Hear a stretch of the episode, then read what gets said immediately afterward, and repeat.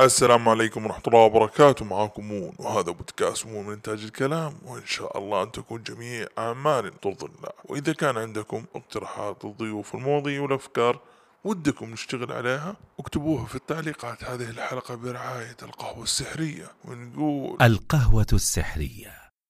دع حواسك تقودك. Magic Beans. Let your senses guide you. وحاب أقول لكم القهوة السحرية يعطونا كود. هذا الكود عبارة الكلام. أي شيء تشتريه حط الكود وإن شاء الله حتنبسط. A L K A L A M. أقوى cardio في العالم. ما آه، نسيت شو هو بس تاني أقوى شيء أي نوع رياضة في له آه، قتال. زي ما يقولوا مو قتال grappling اللي هو اللي أنت بتمسك في بعض وتمسكوا مصارعة. Fighting يعني. أي- أيوه أيوه. بس لازم يكون في اشتباك آه قريب. لازم يكون في احتكاك بينك وبين الثاني إنه المقاومة اللي حقت الجسد غير لما أنت تشيل وزن يعني أنت صحيح. واحد واحد ممكن يكون وزنه مبالغه أنا بتكلم 30 كيلو تشيل 30 كيلو بيدك ممكن إذا أنت قوي وهذا تشيله عادي. بس واحد بني آدم بيتحرك تشيل 30 كيلو مرة مو نفس الشيء. تصدق ذكرتني يوم تصيد السمك كيف السمك لو طقت في يدك؟ طقة. أيوه هذه هي. كتلة عضلات أيوه عنيفة. وبتتحرك معاك وتمشي وتعافر. فيها عنف صحيح أيوه عشان كذا. أيوه أوكي. في مقاومة. فهمت فهمت فهمت إيش ألو... الوزن ما. ما يقاومك تشيله خلاص هو. إيش اللي بيقاومك؟ جاذبية. حلو حلو. مع الوزن. بس ما في شيء بي... بيقول لك لا ما حتشدني. Okay okay صحيح فاهم فاهم إيش قصدك. في بعض ال ما أدري هي مو رياضة بس تحديات يكون مثلا نمر في أيوه طرف يسحب حبل باسنانه أيوه. وبشر. لو تشوف لا هذا هذا أيوه هذا يعتبر مقاومة عضلات. حلو. هذا تمرين. لأنه في كتلة عضلية إيه، تسحبك يا عمي عملاقة. يشبك نمر آه، إحنا. بشر إحنا. أقوى. لا ولا أي أقوى. إحنا أذكى بس أنسى. النمر ده لو ضربك بيده انت ممكن تطير شطبك. أربعة لا لا بدون خلينا نقول ما عنده مخالب. بس ضربك بيده. حتى مو لازم بقوة مرة. ممكن تطير أمتار. الله. أربعة خمسة متر أنت في الهواء. الحمد لله إنه نحن إيه. أذكياء وبعيدين عنهم. إيه إيه أذكى إحنا. ما ما ما إحنا أقوى. إحنا الأذكى. صح مالك. كيف حالك؟ الحمد لله. إن شاء الله طيب. والله الحمد لله. عرفنا عليك يا مالك. آه والله سؤال صعب. عرفنا عليك. حلو. آه أنا اسمي مالك بترجي. ونعم. آه مولود وعايش طول حياتي آه نص حياتي في جدة ونص حياتي حوالين العالم. آه درست أنا برا ثانوي وجامعة وماجستير وبعدين رجعت. دحين أدرس جوجيتسو. عندي أملك مركز وأنا المدرب الرئيسي. آه جريسي جوجيتسو الزهرة. أول مركز معتمد من جامعة جريسي في أمريكا. والوحيد في آه الآن في الوقت الحالي في المملكة العربية السعودية. ما شاء الله تبارك الله. بس نبغى نسأل نقطة كده. أيوة. قبل الجيتسو هو جو جوتسو ولا جو جيتسو؟ جو جيتسو. جو جيتسو. كده يقولوها ال- البرازيليين. بس هو يعتمد انت ت... أنا ما أقدر أقول لك كده صح وكده غلط because عند في نطق كتير. Okay تعتمد على اللكنة يعني. أيوه ففي جوجوتسو في جوجيتسو في جوجيتسو فقولها زي ما تبي تقولها. أهم في شيء مشكلة يعني. إيه ما في مشكلة. ال- الأخيرة دي ما في مشكلة. أهم شيء جو جيتس أو بس. طيب إيش تحب تاكل؟ أنا؟ إيوه. آه، أكلي المفضل ولا بس عموما؟ لا يعني الأكل المفضل لك. آه والله ستيك. أنا أحب اللحم. آه full steak ولا آه fillet و آه، يعني يكون ما هو مرة محروق. أنا أعرف إنه عندنا في الشعب الشرق الأوسط عندنا ال well done هذا شيء معتمد معتمدين عليه. ما ينفع ني. مخط... أنا مو ني أنا medium. حلو. يكون فيه الحمار بس إنه ما هو مزر... مزرق. وردي خفيف. لا آه يكون شوية أحمر أكثر. إنه هم الناس يحسبوه هذا دم هذا مو دم هذا من الدهون. يكون اللحم أصلا أحمر. متى تعرف إنه هو ني؟ لما يكون مايل على الزرق. المايل على الزرق هذا معناته ما انطبخ ما استوى. ما استوى. إذا أحمر pink معناته أنت كده تمام. بني أنت حركته. أنت هذا هذا المفروض تمسك. اللحمة. الله يكرمك. تديه لأحد يحب يمضغ. إنه قلب لبان هذا ما أوكي. يتا- هذا ما أوكي لما يتاكل. توصل مرحلة الإعلاك. أيوه خلاص هذا هذا يصير زي اللبان آه، يتمضغ ما أيوة، ما, فاهم- ما. يتاكل فاهم قصدك يكون صعب تقطيعه. اي تقعد يبغى مضغ كثير بس رياضة حلوة لل- للفك. أيوة. أنا سمعت إنه في بعض الأدوات تنحت لك الفك اي طبعا. في. أنا ما كنت أدري. يعني في؟ ناس عندهم الدقن تعرف معدومة شوية. والله في من زمان أص... اللبان اللبان الشامي. تاكل منه كثير ينحت لك فكك. هل الجو جيتسو أيوه. صحيح. صح. لازم يكون في نمط غذاء معين؟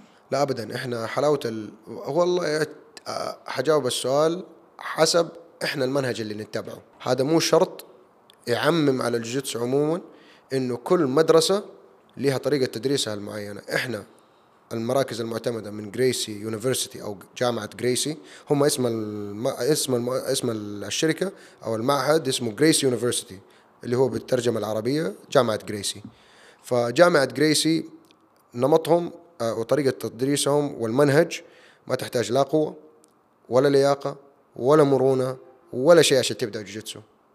إحنا نحبك زي ما أنت.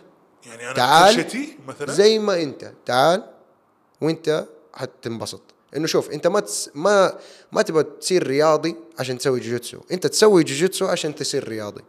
أوكي. يعني لازم هذا الفلسفة. يعني هم يبغوا يبغوا يحببوك في الجوجيتسو بعدين تصير رياضي. أيوه أنت أنت مع مع ممارستك للجوجيتسو حتصير رياضي. أصلا غصبا عنك حتى لو أنت راضي ولا مو راضي حتصير رياضي. إنك بتتحرك. أيوه طبعا. حتشد. يعني ما بنقول حتصير مقسم وسكس باك والحركات دي كلها هذا يعتمد هذا يعتمد على النمط بس إنه إيش؟ العضلات اللي عندك حتبدأ تبني ولياقتك حتصير أحسن. كل شيء في حياتك حيتحسن. طريقة تنفسك طريقة حركتك إنك حتحرك كل جسمك. مو بس عضلة على عضلتين.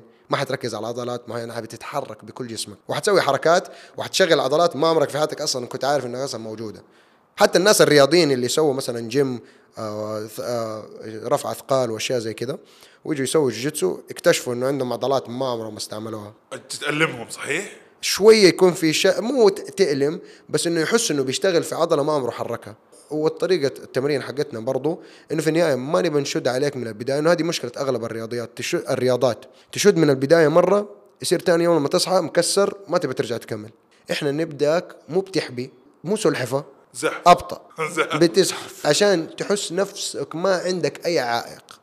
ومع الممارسة كل ما تتقن التقنيات كل ما حيصير في المقاومة أكثر لو أنت بتسوي التقنية 100% زميلك حيزود المقاومة 10% إذا ما بتسوي التقنية 100% حنقلل 10% لما نلاقي المستوى اللي أنت بتسوي فيه التقنية بطريقة, بطريقة صحيحة بس كمان ما مو لازم تسويها 100% بس إنه أهم شيء بتسويها بطريقة صحيحة بس أهم شيء إنه المقاومة ما تخليك تفشل وبعدين تتحبط نفسيا. أوكي يعني أنتم تماشوه. أيوه في البداية. في البداية. اي لازم لازم تماشي.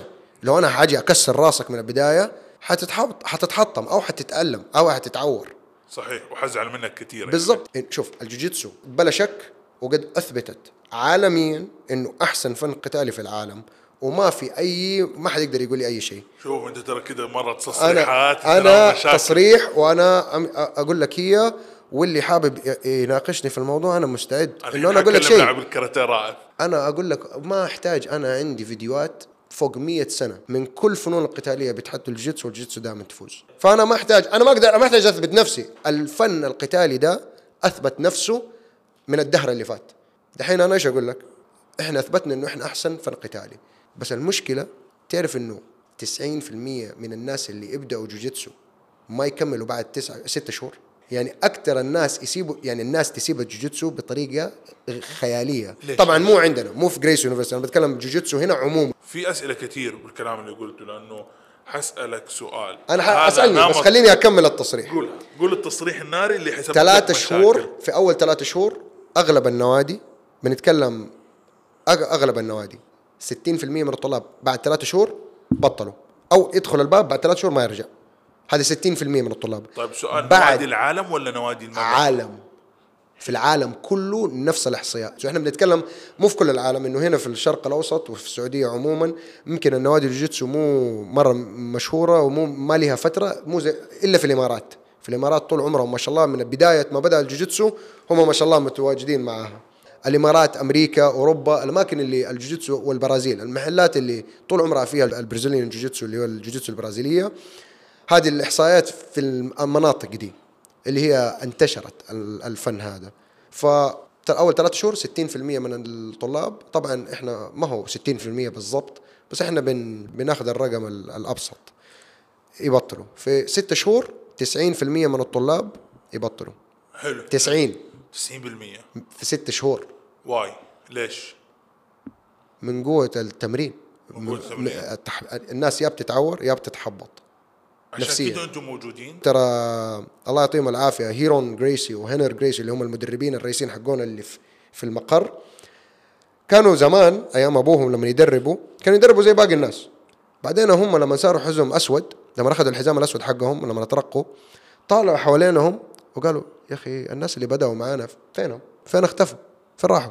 يقول لك هذه إحصائية في العالم كله من اللي يبدأوا جوجيتسو 50% حياخذ الحزام الأزرق من اللي بدأوا. بس 50% حياخذ الحزام الأزرق. من ال 50% دول 1% حياخذ الحزام الأسود. فأنت بتتكلم أقل من نص في المية حياخذوا حزام أسود من الناس اللي بدأوا.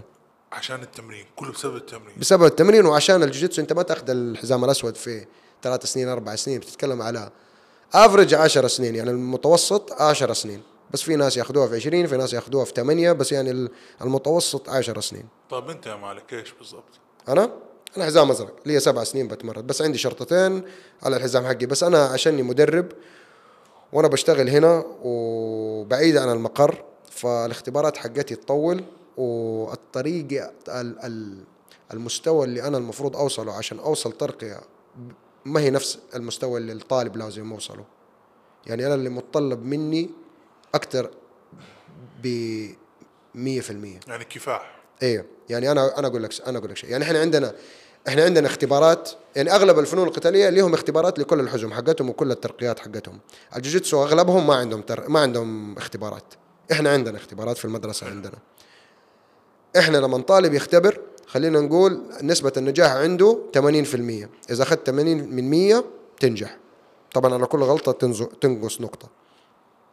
أنا ما ينفع أغلط إلا 90 يعني أنا نسبة نجاحي 90% مو 80 يعني الطالب لي 20 غلطة أنا لي 10 طالب لي 10 غلطات أنا لي خمسة. مين اللي يحدد لك هذا الشيء؟ هيرون وهنر جريسي. أصحاب ال أصحاب المقر. حلو. هم هم اللي مهتمين في كل حاجة. الأونرز. إيه. آه، هم ما هم ما يملكوا النادي حقي بس إنه أنا ماخذ منهم التصريح إنه أدرب آه، الفن حقهم حق عائلتهم اللي هو الجريسي جوجيتسو اللي هو مختص بعائلة الجريسي. لا هنا في نقاش. إيش؟ اشرب مويتك ونتكلم. قل لي. طيب. مالك نبغى نرجع شوية ورا. قل لي. أول شيء أنا قلت أشياء كثيرة. يعني أرجع. لا كلام كثير حلو والله. آه أنت ما شاء الله نص حياتك في جدة كانت نص حياتك الثانية برا المملكة. درست في أماكن متعددة درست ما شاء الله ماجستير ودرست. الحمد لله. تقدر تكلمنا شوية عن دراستك؟ بس يعني مين هو مالك؟ قبل جوجيتسو طيب آه مالك قبل الجيتسو أنا دراستي هنا بدأت في جدة آه كنت آه في دار الفكر ودار الذكر في أوقات مختلفة. أنا بدأت فنون قتالية هذه أعتبرها مدرسة أنا من عندي من أنا عمري خمس سنين. بدأنا كاراتيه دخلنا تايكوندو جودو بعدين لما كبرنا في المتوسطة كيك بوكسينج وموي تاي وأخذنا شوية مصارعة حرة. آه بعدين آه لما سافرت أنا درست في سويسرا ثانوي. آه هناك تعرفت زيادة على الموي تاي. وكان في جوجيتسو بس ما ما خ... ما كان في course جوجيتسو بس ما أخذته. في كانت في كانت اللعبة بس ما لسبب ما ما دخلت فيها. ممكن ما كان في اهتمام وقتها. وقتها ما كان في اهتمام إنه ما ما ما كنت بتضارب وكنت بحاول أتجنب المضاربات وهذا والصراحة ما عجبتني قصة البدلة ومسكها وهذا واللي كلمني عن الموضوع ما عرف ي- ما عرف ي- يحمسني. إنه أنا ما ما شفته بعيني. هو قال لي كلام وما تحمست لكلامه ما أفتكر إيش قال لي بس إنه قال لي آه زي المصارعه قلت له أنا قد سويت مصارعة وسويت جودو. قال لي زي الجودو قد أخذت جودو. قلت له ما خلاص قد سويته ما ما أعرف ما أعرف ي- يسوق لي. أيوه فاهم فاهم. ف- ما زبط لك الشغل. ما ما ما ما ما ما, ما أعرف أقنعني. فالمهم خلصنا رحنا جامعة في أمريكا الحمد لله. وبرضه ناس أعرفهم سووا جوجيتسو مع ناس قريبين من عائله الجريسي. آه واحد اسمه بيدرو آه ماستر بيدرو ساور. كان في نفس المدينة اللي أنا كنت فيها اللي في واشنطن دي سي. وقعد معهم إلين دحين هو بيتدرب معاه. ودخل قبلي بخ- ست سنين. طبعاً خمس سنين. نبغى نوصل صورة. هم كلهم دول اللي دلوك ما هم عرب يعني. ما لا ما هم عرب. اللي دلوني مو عرب.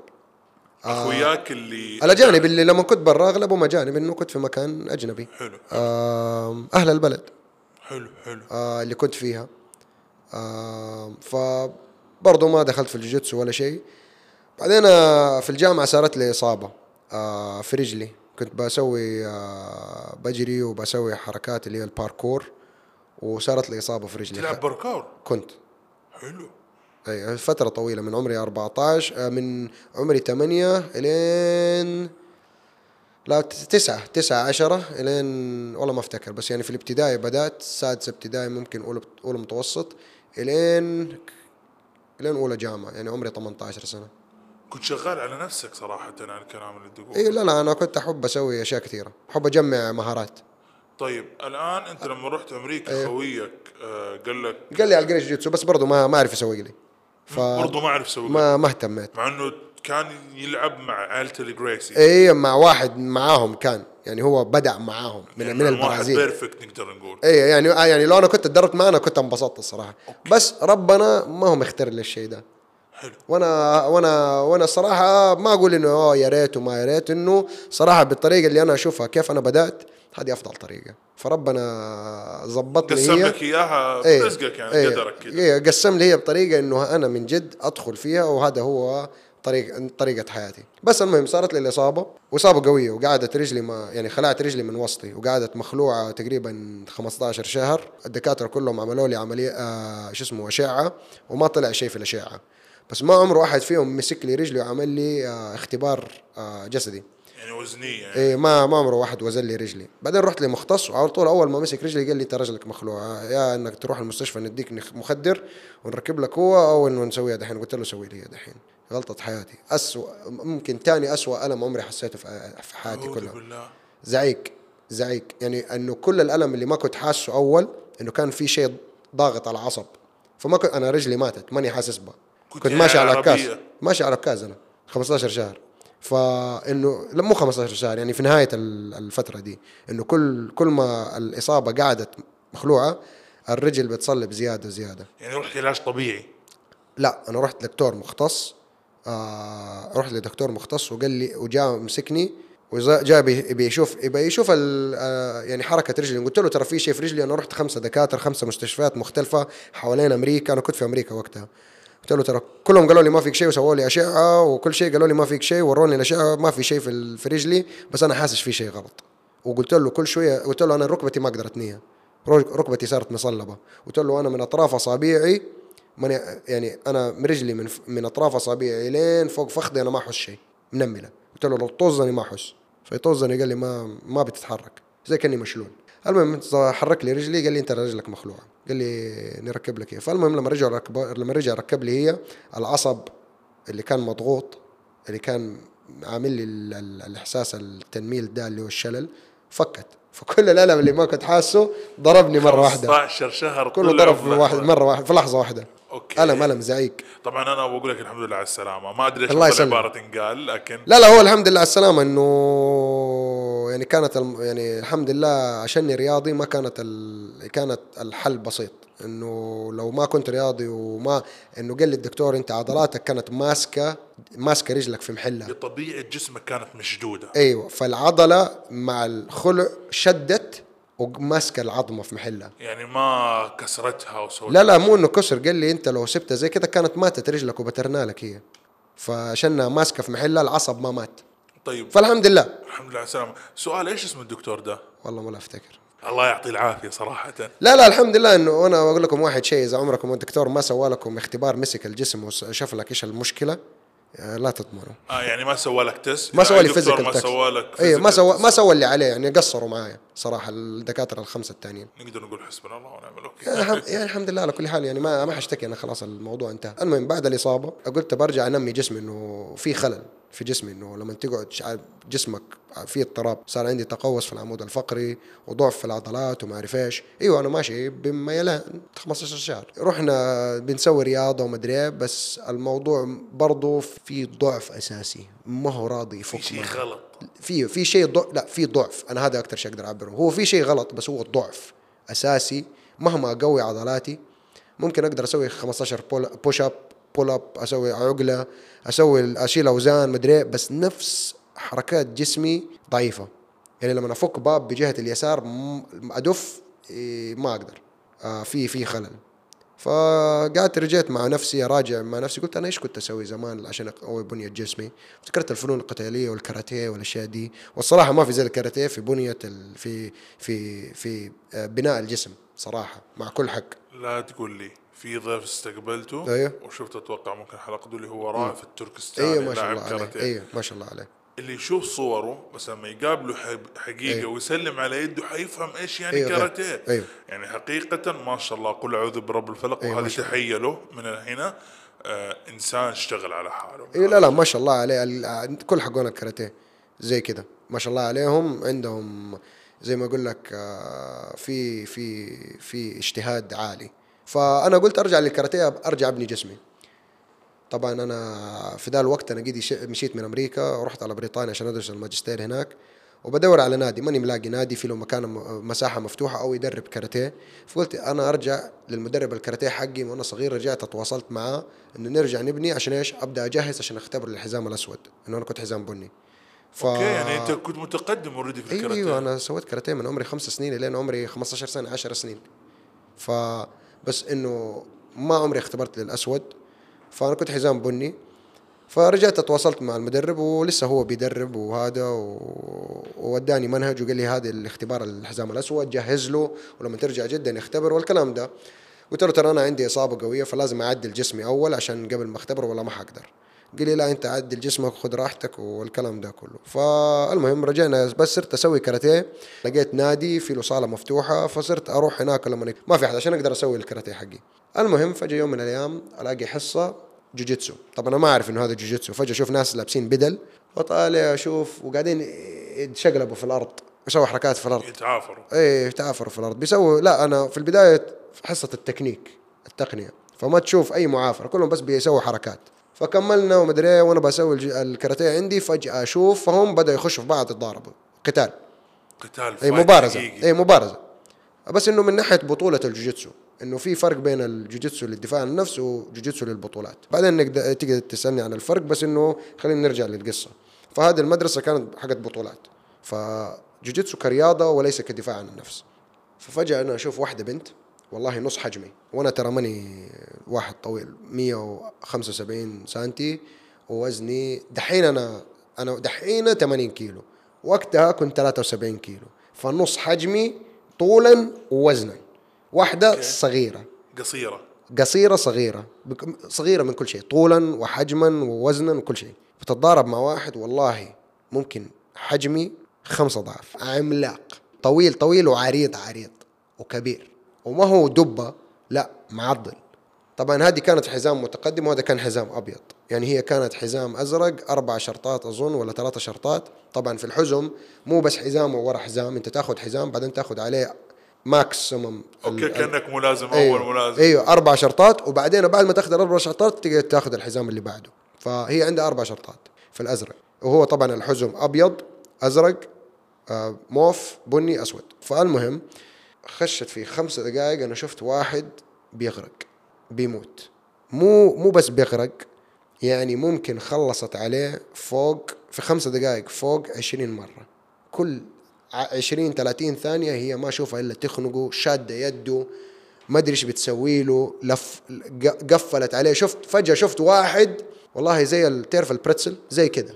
بني آدم مسك عملت فيه فيونكة. كأنه سمبوسة. هي أسوأ من السمبوسة. شايفة كيف تربط الفيونكة؟ زي كده. عم- عملت بي عملت بو هي فيونكة. لفته زي كأنه هدية. خلا والله شفت شيء وأنا أنا صدمت. ذهلت. أنا ما عمري في حياتي أنا ترى طول عمري فنون قتالية. ويعني أيام لما كنا نكبر كانت ال- العنف عند الأولاد عالي. وأنا كنت في الحياة دي نشط. زي ما يقولوا. أيوه لأنه أنت توصف لي اللي مريت فيه فما شاء الله شكلك نشيط واكتيفيتي يعني كنت أيوه. ولا حتى active. أنا شفت مضاربات في الشارع وكل حاجة يعني كنا صراحة حظيرة حيوانات من لل- لل- للأسف. يعني غير منظمين. غير منظمين. بس الحمد لله دحين صار في الدولة بوش إنه في دفعة إنه نتطور والمدارس والأهالي صار في توعية أكبر في عند المدارس وفي عند الأهالي فالناس صارت في استقرار أكثر بين الشباب وأنا بشوفها من وأنا بدرب أطفال. فصراحة أشوف الأطفال اللي دحين في الجيل ده غير. أطفال أيوه غير الأطفال اللي في جيلنا. حلو. فالحمد لله. حلو. الحمد لله. أنا مبسوط الصراحه آه فالمهم أنا شفت ما عمري في حياتي في كل أنا كنت وقتها أول سبتمبر 2016 أول حصة لي للجوجيتسو. فأنت بتتكلم على كان عمري أنا دحين 30 إحنا في 23 كنت 23 سنة. في 23 سنة ما عمري شفت شو ما عمري شفت أحد يصير فيه زي ما صار للآدمي ده. أزيدك الشعر بيت من واحد من واحدة حتى مو رجال من واحدة أصغر منه ممكن حتى مو نص. يعني ما أقدر مرات. مرة أصغر منه يعني نتفه نتفه حجما وطولا وكل حاجة. كان واحد في الجامعة وواحد في في طفل الروضة. طفل. والله زي كأنه واحد أنا لو حجمي زي كأني بتضارب مع واحد عمره سبع سنين. أنا ذهلت. طبعا من يوم ما شفت الموقف ده أطالع حواليني إيش بدور؟ مين لابس حزام أسود؟ ابى أدور على. المدرب. لا ابى أدور على المدرب. رحت له قلت له أنتوا إيش بتسووا هنا؟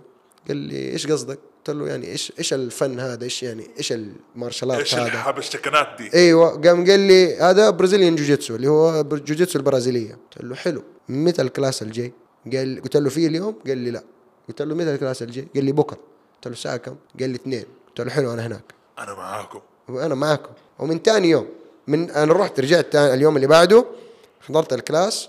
طبعا أول class عندي يعتبر سيء بس أنا كنت مصر ومعند إني أكمل. مع إنه الأول تجربة لي اللي هو السبب إنه الناس يسيبوا الجوجيتسو. أول يوم انكسر ضلعي. كيف؟ أول يوم ضلع مكسور. أول يوم. أول حصة. ومو من طالب من المدرب. الم- المدرب ده هو هذه المشكلة. يكون في غرور. وأنا أوريك قديش أنا شديد وقوي. هذه مشكلة بعض الفنون القتالية أو أغلبها أو. أيوه الأغلب. تخش المجتمع الفنون القتالية الأغلب يكون فيه له فيه غرور وإنه أنا لازم لازم أثبت نفسي. المشكلة هنا ما في إثبات نفس هذا كسر ضلع.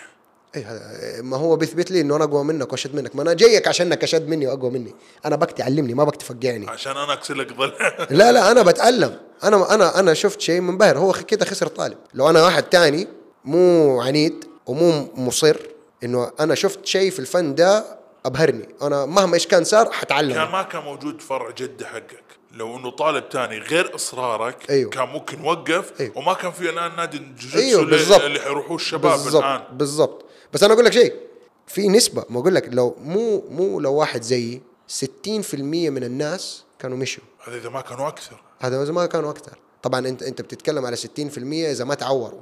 إذا تعور هذا انساه ما حتشوفه مرة ثانية هذا أول ما يشوف هذا سيء أبعد عنه. ابدا خلاص لا حيمشي ما حيرجع الفن. حيقول أنا الجوجيتسو مو لي عفش. مو ما يناسبني مع إنه هو مو الجوجيتسو هو المكان اللي أنت فيه. هي فالبيئة ترجع للكيفية كيفية هي. استغلال الشيء بطريقة سليمة. بالضبط. هو استغلها بطريقة خطأ. إي وهي البيئة يعني أنت أنت كمدرب المفروض البيئة اللي توفرها للطلاب حقونك يكون آمنة مو خطرة. وهو ترى سوى حركة أنا من يوم ما سواها أنا عارف إنه نيته سيئة إنه مسكني رماني ورمى نفسه وراها عشان أنا أنا وهو أنا وزني ووزنه ننرزع في الأرض.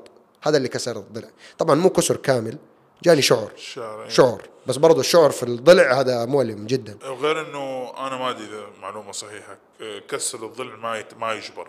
لا لا ما يجبر. بس هذا شعر. أصلا الشعر عموما ما يجبر. ما عمرك ما أعرف إذا عمرك جاك شعر في ضلعك ولا لا شيء. إن شاء الله لا. إن شاء الله لا. مرة مؤلم. يعني أنت لو تتنفس تتألم. تضحك تتنفس. تاكل تتألم. إذا أنت كنت حي تتألم.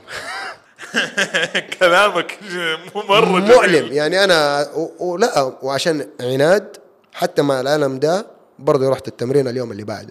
بس عشان تعرف ليه أوريه مو أنت اللي تخليني أبطل. عناد عناد. هو باين عبط- يعني عبط. باين إنك مو عبط. آه، عبط. أنا أبغى أسوي شيء اللي أبغى. لا لا لا كان عبط. أنا أقول لك هي كان عبط. وهو هذا شيء غلط. انه بس من ربك آه، خلاني أكون عبيط في الوقت ده وصراحة هو عشان الشيء ده كان من جد مبهر لي لدرجة إنه أنا مرة بسويه. أتوقع كنت أنت في حالة غريبة لأنه إصرارك لما شفت شكلك شفت شيء مذهل بالنسبة لشخص. يعني كمان أنت شخصية رياضية مو إنه شخص بعيد عن الرياضة. أيوه وأنا طول عمري أسوي فنون قتاليه بس فأنا أقول لك الصراحة أنا أنا متعود على التكسير ده في التمرين. إنه إحنا أنا بدأت فنون قتاليه زمان لما كان ضرب جدران ضرب خشب ضرب أغصان شجر حديد. عشان كذا كان الشعر ما هو شيء حاجز ما هو جدار كبير لك. ما هو جدار كبير لي بس برضو أنا أن هي ما هي ما هي ما هي الإصابة اللي أدتني اللي خلتني أتراجع. هي نية السيئه اتجاهي هذا اللي خلاني أقول طب أنت هنا بتحاول تعورني. أنا وأنت المدرب. أكبر عيب المفروض الكوتش يكون أحلم واحد على طلابه. مو هو هذا. بس أنا ما كنت طالبه لسه. شكله ما كان يبغاني. ما فلوسه زايدة ما ماني عاجبه. ما, تدري. فالمهم بدأنا جوجيتسو وما بطلنا. وقعدنا في المدرسة دي سنتين. يعني انت ثاني يوم داومت ودعست سنتين معاهم. سنتين. بعدين صارت لي مشاكل مع المدرسة ومع المدرب. آه اختلاف آراء. أول حاجة أنا مواظب معهم خمسة أيام في الأسبوع ساعتين في اليوم أنا كل يوم في النادي. ما أخذ إلا يوم واحد إجازة اللي هو السبت. بس ما كنت أشارك في بطولات ماني حق بطولات. من أيام الكاراتيه أنا صارت لي مشاكل في البطولات وما كنت أحب إني كنت عفش وكان دائما يجيني إيش يقول آه إيش يسموه آه كان دائما آه يحذفوني من البطولة أوكي. لسبب لسبب آه لأسباب إني ما بتبع القوانين. أوكي اللي هو يطردوك من الملعب. إيه، إيه، من انطرد من الملعب كنت كثير في الكاراتيه. إنه أنا كنت أتدرب على أساس إنه أنا بتضارب إنه أنا كانت حياتي أنا كنت أتعلم الفنون القتالية عشان أدافع عن نفسي. انه أنا تعرضت لتنمر شديد وأنا صغير. فأنا أوكي. ما كنت بلعب عشان أصير بطل. بس أنا عشان تأذي اللي يتنمر عليك. أيوه هذا كان غلط. طبعا إحنا ما كنا نعرف إيش يعني دفاع عن النفس إنه كان يا أنا أنا أنا جاني منهجين وأنا صغير. يا لا تسوي له شيء خليه يضربك ويكسرك وبعدين روح اشتكي هذا أول منهج. وأنا طبعا هذا المنهج رافضه تماما. الكل يرفضه. تماما رافضه. إنه ممكن أموت. وأنا قد انضربت ترى. أول أول ابتدائي انضربت. مرة واحدة. في ذاك اليوم أول يوم مدرسة انضربت من خمس أشخاص وفي مواقف مختلفة. يوم كان تعيس. أول يوم دراسي أول يوم دراسة. الفصل كله كم الفصل كله عشان خربت لهم تكم- تقسيمة الكورة ما بلعب معاهم أكلت معاهم رموا علي حجر فيلم. المصيبة إنه أولى, أولى أنت ابتدائي. 30 سنة يا دود. إيه إيه. 30 سنة. مرة شكلك زعلان. لا لا مو زعلان. الموضوع إنه سخيف. يعني أنا يا ريتني سويت شيء عشان يسوي فيها الكلام ده. بس المهم وبعدين انضربت في مدري إيش وواحد خنقني وأغمى علي وبعدين دخلت في مشكلة مع المدير يحسبني باخذ غفوة في نص الساحه على بطني على وجهي. قول له واحد خنقني أنا أغمى علي ما رضي يصدقني. لين ما سويت لهم مشكلة وجابوا الكاميرات وما أعرف إيش ولقوني لقوا واحد خنقني ومسدوح وبعدين اتحلت المشكلة. المهم من بعد ذاك اليوم أنا حلفت. قلت ما عمري في حياتي حخسر مضاربه مرة ثانية ما عمري حلفت. واخذته على عاتقك هذا القسم كل هالسنين. إيوه. فأنا طول عمري من ناحية التمرين أشد على نفسي. فلما انكسر الضلع قلت عادي بس هو أنا ما عجبني الأذية. فالمهم أنا باخذ الكاراتيه وكل الأشياء دي كان نمط حياة ودفاع عن النفس كقتال ما باخذه ما باخذه كرياضة. فكان اتجاهي جدا مختلف فكنت أنطرد من البطولات. آه فالمدربين كانوا يزعلوا مني. فأنا هذا سبب هذا واحد من الأسباب الكبيرة إن أنا سبت الكاراتيه. انه كل شوية يقولوا لي أنت ما تعرف وأنت ما تدري إيش وبعدين ما خلون ما رقوني لحزام أسود. لما اخترت الحزام الأسود أيام لما كان عمري 15 سنة ما رضوا يرقوني بالسبب ده. آه إنه هم كانوا يقولوا لي أنت مرة عفش لا تشد لا مدري إيش. وبعدين في وقت الاختبار لما كان في الفايت رخيت مع زميلي فقالوا لي أنت بتقل من احترامه. آه انت ما بت- بتلعب معه بجدية بتستهتر فيه فانت ما تاخذ عشان عدم احترامك ما نديك الحزام الأسود. بس هم كانوا مستقعدين لي آه عشاني خسرت البطولات ديك. أنا هذا رأيي الشخصي ولين دحين أنا عندي الرأي ده. آم، فبطلت الكاراتيه. صار لي نفس الموقف في مو نفسه بالضبط بس صار لي موقف مشابه لي في المدرسة دي. آه ما رضوا يرقوني عشان ما بشترك في بطولات. آه فقالوا لي اشترك في بطولة مدري إيش. قلت لهم ما أحب البطولات مدري قالوا لي إيش عرفك؟ ما قدر عمرك سويت بطولة جوجيتسو. قلت له والله كلام وجيه. فرحت اشتركت في بطولة. فزت المركز الأول في الوزن حقي. آه كانت خمسة فايتات. كان ال- الفئة اللي أنا كنت فيها كانت كبيرة. أظن كان في 20 واحد آه ولا 25 واحد وأنا ضربت مع خمسة عشان أفوز المركز الأول. عادة ما هي خمسة عادة تتضارب مع أقل من كذا ما شاء الله بس ما الفئه اللي. أنا كنت فيها ذاك اليوم هو كان حقة المنطقة ال ال الشمالية الشرقية. أيوه أيوه انها الشمالية الشرقية المنطقة كلها كانت البطولة دي حقتها. فاشتركت فيها وفزت الأول. و بس ما انبسطت.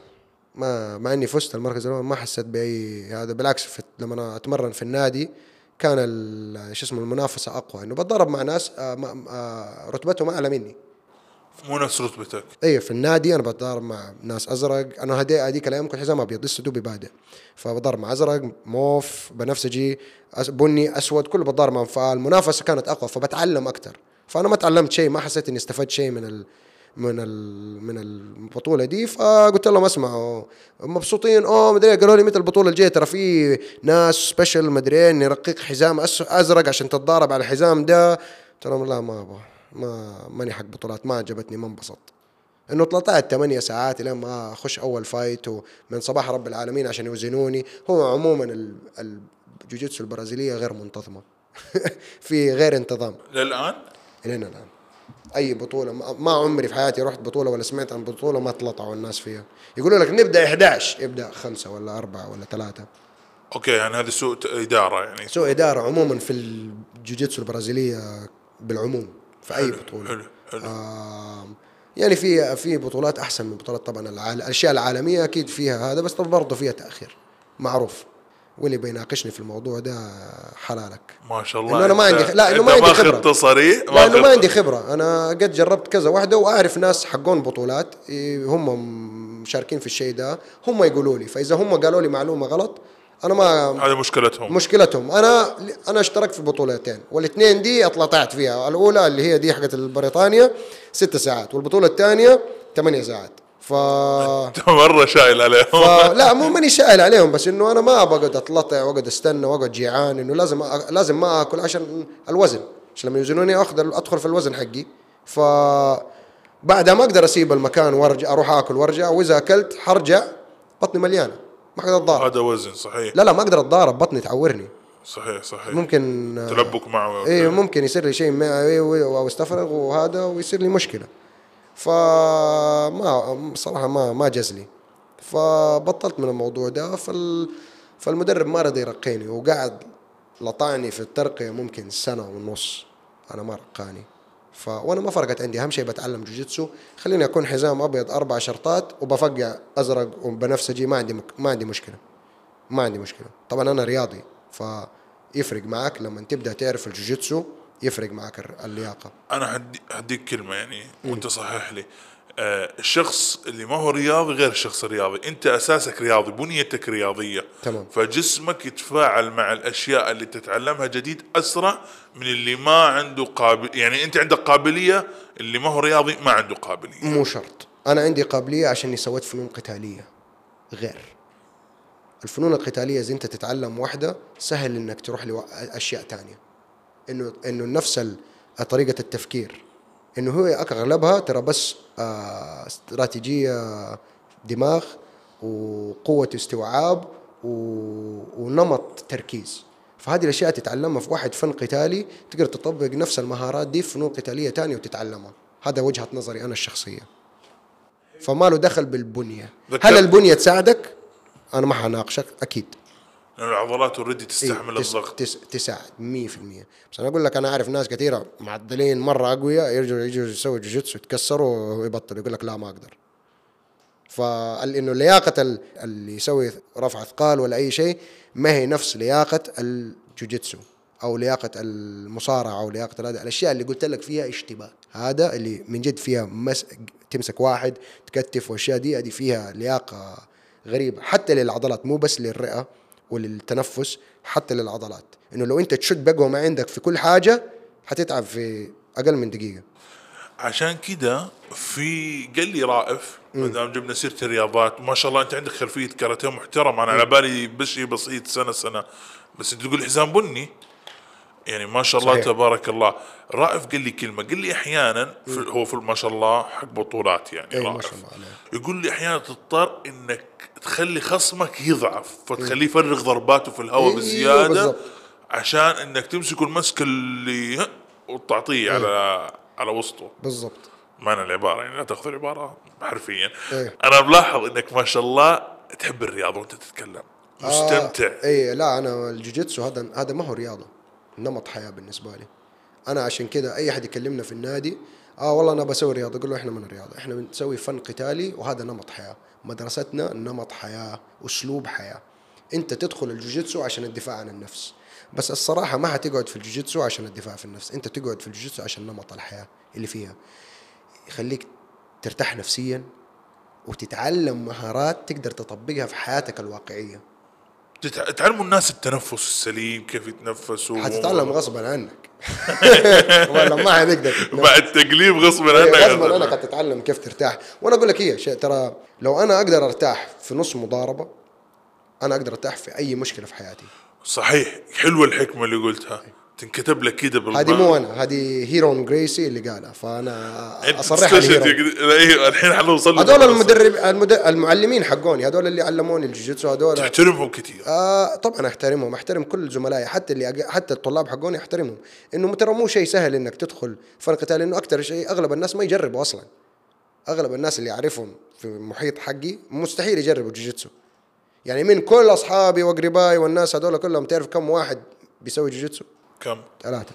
هذول ما يدعموا صديقهم. وواحد لا ما له دخل دعم. وأنا أفهم ليه. أنا ما ما ما أخذه شخصيا إن أنت ما بتدعمني. ليه؟ هو خايف. وأنا هنا بصرح إنه أنتم كلكم خايفين. لا تكذب على حالك. خايف تتعور أو خايف تتفشل. يا عشان كده انت قلت المعضلين يتركوا. أيوه على طول.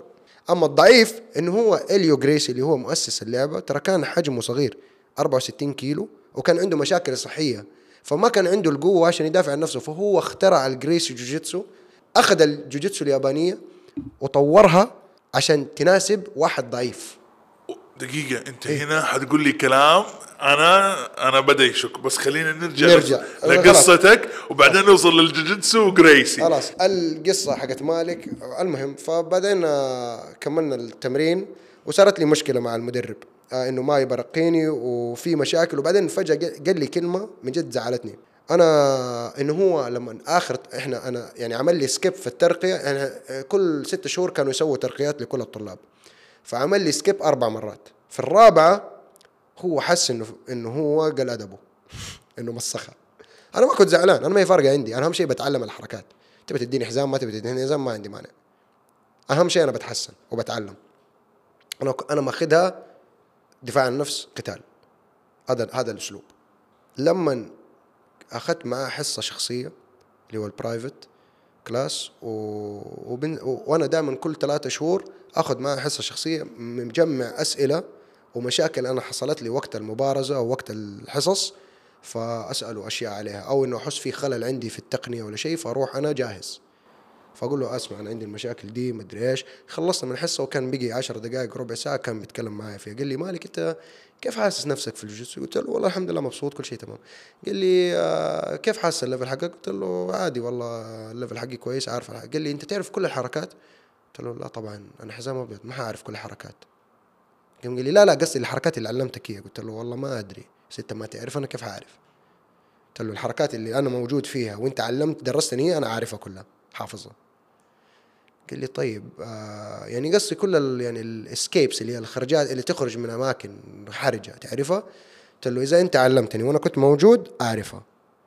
قال لي حلو. طب إنت إيش رأيك في الترقية حقتك؟ قلت له عادي ما فرقت عندي ما ترقوني؟ لا ترقوني. قال لي لازم تسوي بطولات عشان نرقيك. قلت له إذا هي جات على كده ماني مسوي بطولات ولا ترقوني. قال لي ما هي فارقة عندك؟ قلت له ما هي فارقة عندي. بس وانتهينا الموضوع ده وهذا. فزعلت إنه يا أخي أنت ما أنت عارف مستواي. طب أنت مدربي وأنا معاك. ماني مو, مو واحد بيجيك مرة كل خمسة ستة شهور. كل يوم أنا في وجهي وجه في وجهك. ساعتين خمسة أيام في الأسبوع أنا يعني. نقدر نقول نحن أصدقاء يعني كيف؟ ونخرج مع بعض وقد رحنا السينما. السينما كمجموعة وقد سوينا أشياء برا النادي. فيعني أصحاب. فيعني أنت بتقول لي أنت ما أنت عارف مستواي. كل يوم أنا هنا معك فزعلني شوية. إنه أنا بضيع وقتي. أنت ما أنت مهتم فيا.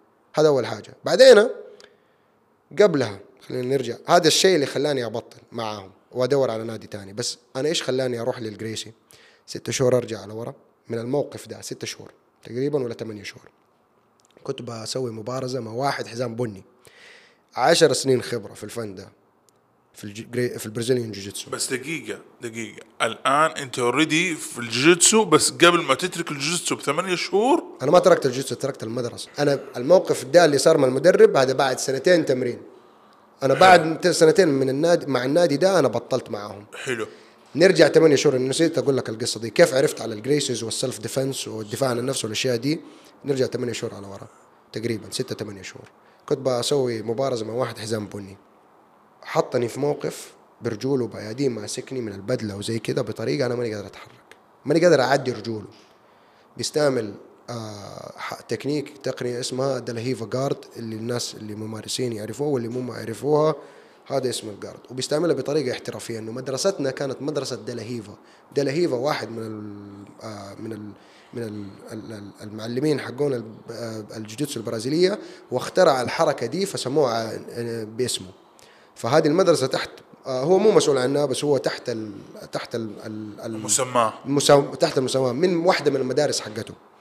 ما هي حقته بس يعني إنه هو في في شيء عنده عندهم اشتراك معه. عشان طريقة الاشتراك وما إنه مركز معتمد غير يعني هو بالإنجليزي affiliation و certification اللي هو أنت مصرح أو إنه أنت تابع. شوف ولا فهذا نقدر ندخل فيه بعدين. بس إنه أنا برجع للقصة. صحيح. فأنا داخل ومعلق ماني قادر. بس أنا لاحظت إنه أقدر اضربه في وجهه. فكان عندي فضول. اسم الآدمي الله يعطيه العافية بول. فبول هذا زميل لي وحبيب وصراحة تعلمت منه أشياء مرة كثيرة في الجوجيتسو خبرته مرة عالية.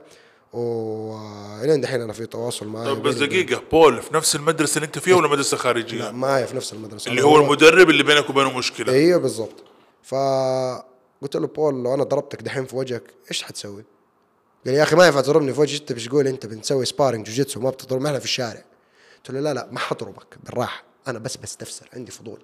أنت كواحد عندك خبرة حزام بني لو ضربتك في وجهك دحين إيش حتسوي؟ قال لي والله ما أعرف. قلت له خلاص طيب نكمل. وكملنا. وطبعا فاز علي وبهدلني. آه بس انزرع فيا شك في ديك اللحظة. وما عمره راح.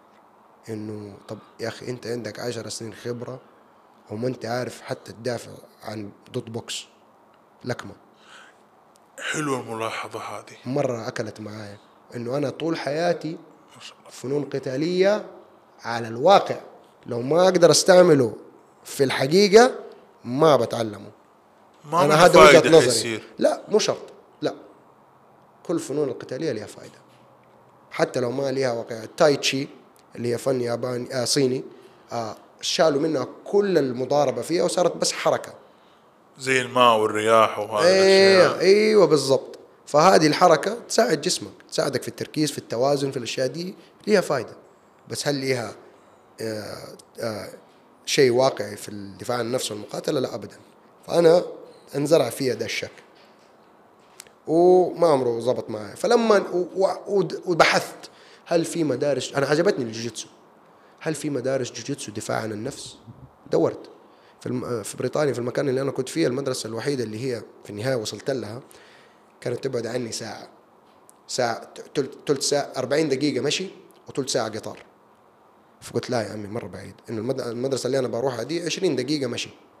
فقلت لا لا ما ولا 20 دقيقة أنا كنت أخذها دي تحمية وأوصل وأنا محمي خلاص. تدخل تضرب على طول. أيوه وهم كانوا يحموا جوا.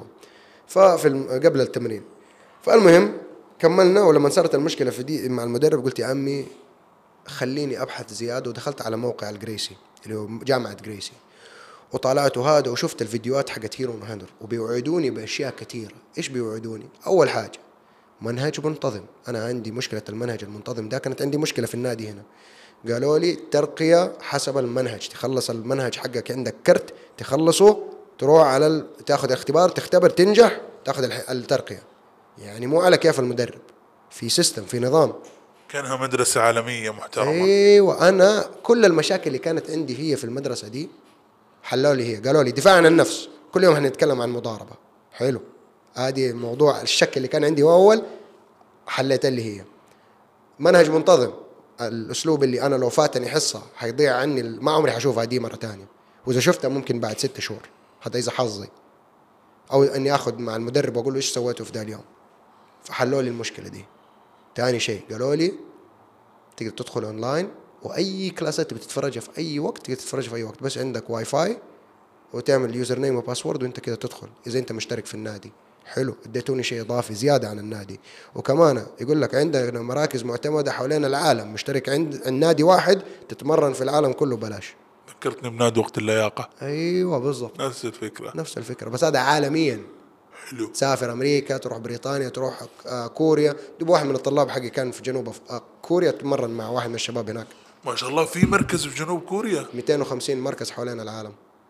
واو ما شاء الله. فوق الله أكبر. 250 بس يعني حوالين العالم في كل العالم. في في أستراليا في جنوب أفريقيا في جنوب آه، كوريا بريطانيا في في إسبانيا إيطاليا في في كل محل. أمريكا كندا البرازيل كل جنوب أمريكا في كل محل فيه. في في البحرين. والله حلو. طيب موجودين في الإمارات؟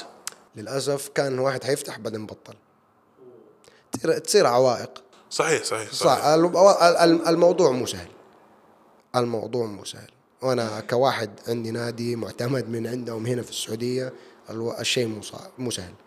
آه وأنا يعني بشتغل مع ناس يفتحوا في نوادي في أماكن تانية. ب- بساعدهم على طريقة إنه كيف يسووا نظام وش يحتاجوا وش ما يحتاجوا كاوراق و... كأنها مدرسة كمان تسويها بطريقة منظمة ومحترمة؟ لا لا مو هذا هذا ياخذوها من الجريسيز هذا من العائله الجريسي ياخذوا كل الموضوع المنهج والهذا. أنا بس إنه كان نظام سعودي. إيش لازم تسوي في الوزارات والأشياء دي؟ أساعدهم عشان إنه تطبق على هذا حلو. إنه أبى أشوف المدارس دي تن... صح تتنشر. صح. غير انه غير إنه شيء حلو لما تشوف الشيء اللي تحبه منتشر. إي بالضبط. وكمان الصراحة خلينا نكون صريحين. زي ما قلنا أغلب الناس ما يكملوا في الجوجيتسو 5% من الناس اللي هم الشديدين الأقوياء اللي هذا هم اللي يكملوا في الجوجيتسو مو هم دول اللي يحتاجوا الجوجيتسو الضعيف الغلبان اللي ما هو ما يعرف يدافع عن نفسه هو ده اللي يحتاج الجوجيتسو ما حيقدر يكمل في التمرين اللي تكسر ضلع في أول يوم. ولا أنا كنت في التمرين أخرج فم لثتي مفكوكة واحد اداني كوع عيني سوداء انضربت فكي. مدري إيش. هذا في المدرسة الثانية مو هنا. مو في مو في الجريسي. مو في الجريسي. في المنا في المدرسة اللي أنا كنت فيها كنت اتفقع صراحة. طيب الآن أنت آه خلاص تبغى تطلع من النادي اللي انت فيه وبحثت طلعت ورحت في مدرسة الجريسي في أول عشر دقائق بس دقيقة دقيقة. صح الجريسي أساسها أمريكا؟ أساس أمريكا بس عندهم فرع في بريطانيا. أوكي. أنا رحت الفرع اللي هناك. كم دقيقة كان من؟ ساعة بقول لك. ساعة. هي اللي في منطقة ثانية أيوه ساعة. في النهاية رحت لها. إنه أنا بقول لك قبلها بست ثمانية شهور أنا كنت أتحمست بس شفته بعيد وبطلت. بعد ما صارت لي مشكلة مع المدرب قلت ومع طريقة إنه ما هو مهتم قلت يا عمي أنا ليه بدفع فلوس اذا أنت ما أنت مهتم؟ أروح لنادي يهتم وعدوني بأشياء كثيرة خليني أجرب وأشوف. وقالوا لي 10 أيام مجانية. جرب. العرض حلو. أيوه قلت يلا جرب 10 أيام تجريبية مجانا وإحنا عندنا نفس العرض.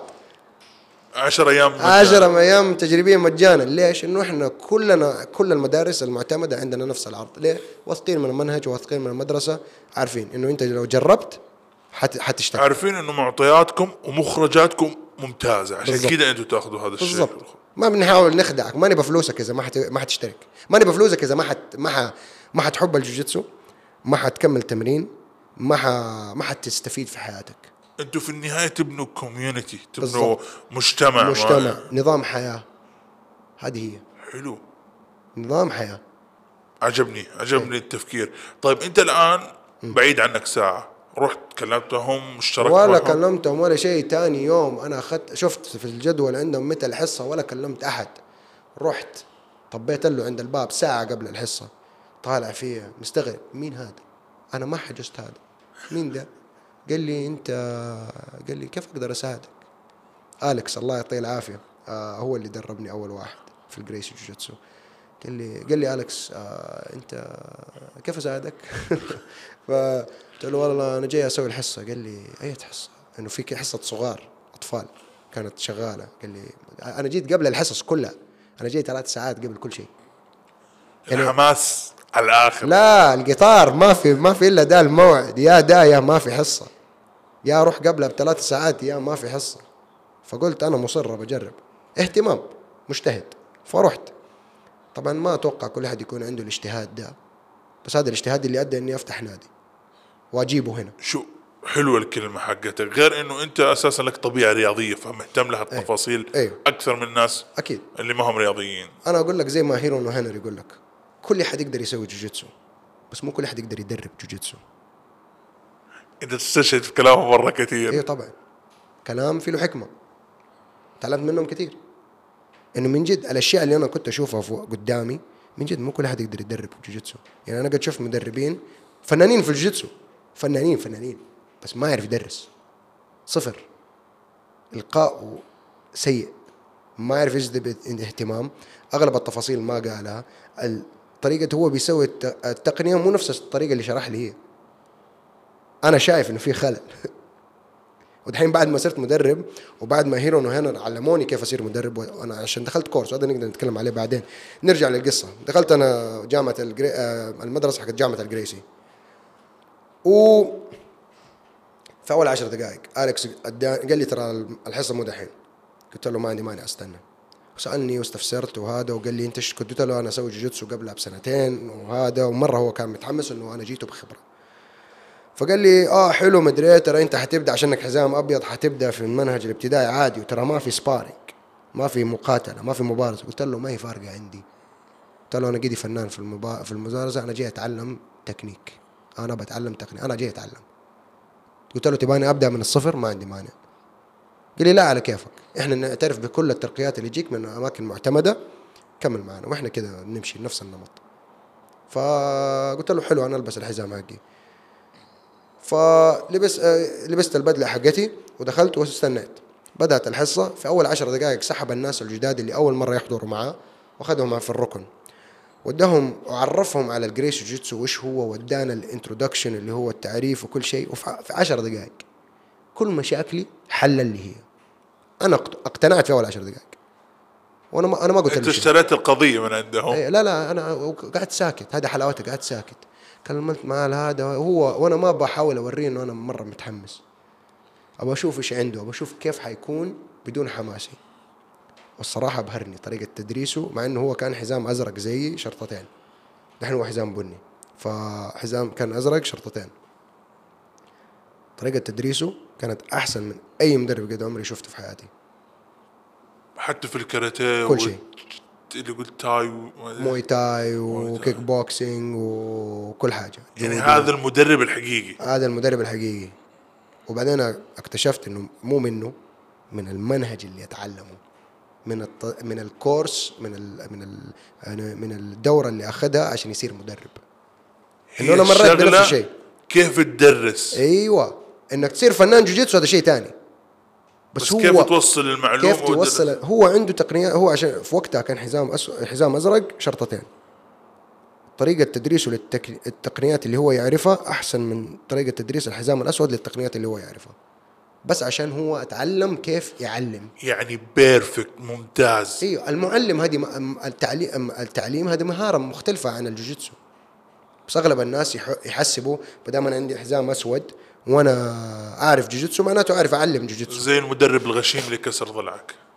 لا الصراحة مع كل الحق المدرب ذاك اللي كسر ضلعي برضه كان يعرف يدرس بس مو زي أليكس. أليكس أحسن منه. طيب حسألك سؤال كده نرجع للمدرب ده. أيوه المدرب ده آه وقت ما انت كنت تتمرن كنت بمستواه ولا أقل حقيقة بالقتال؟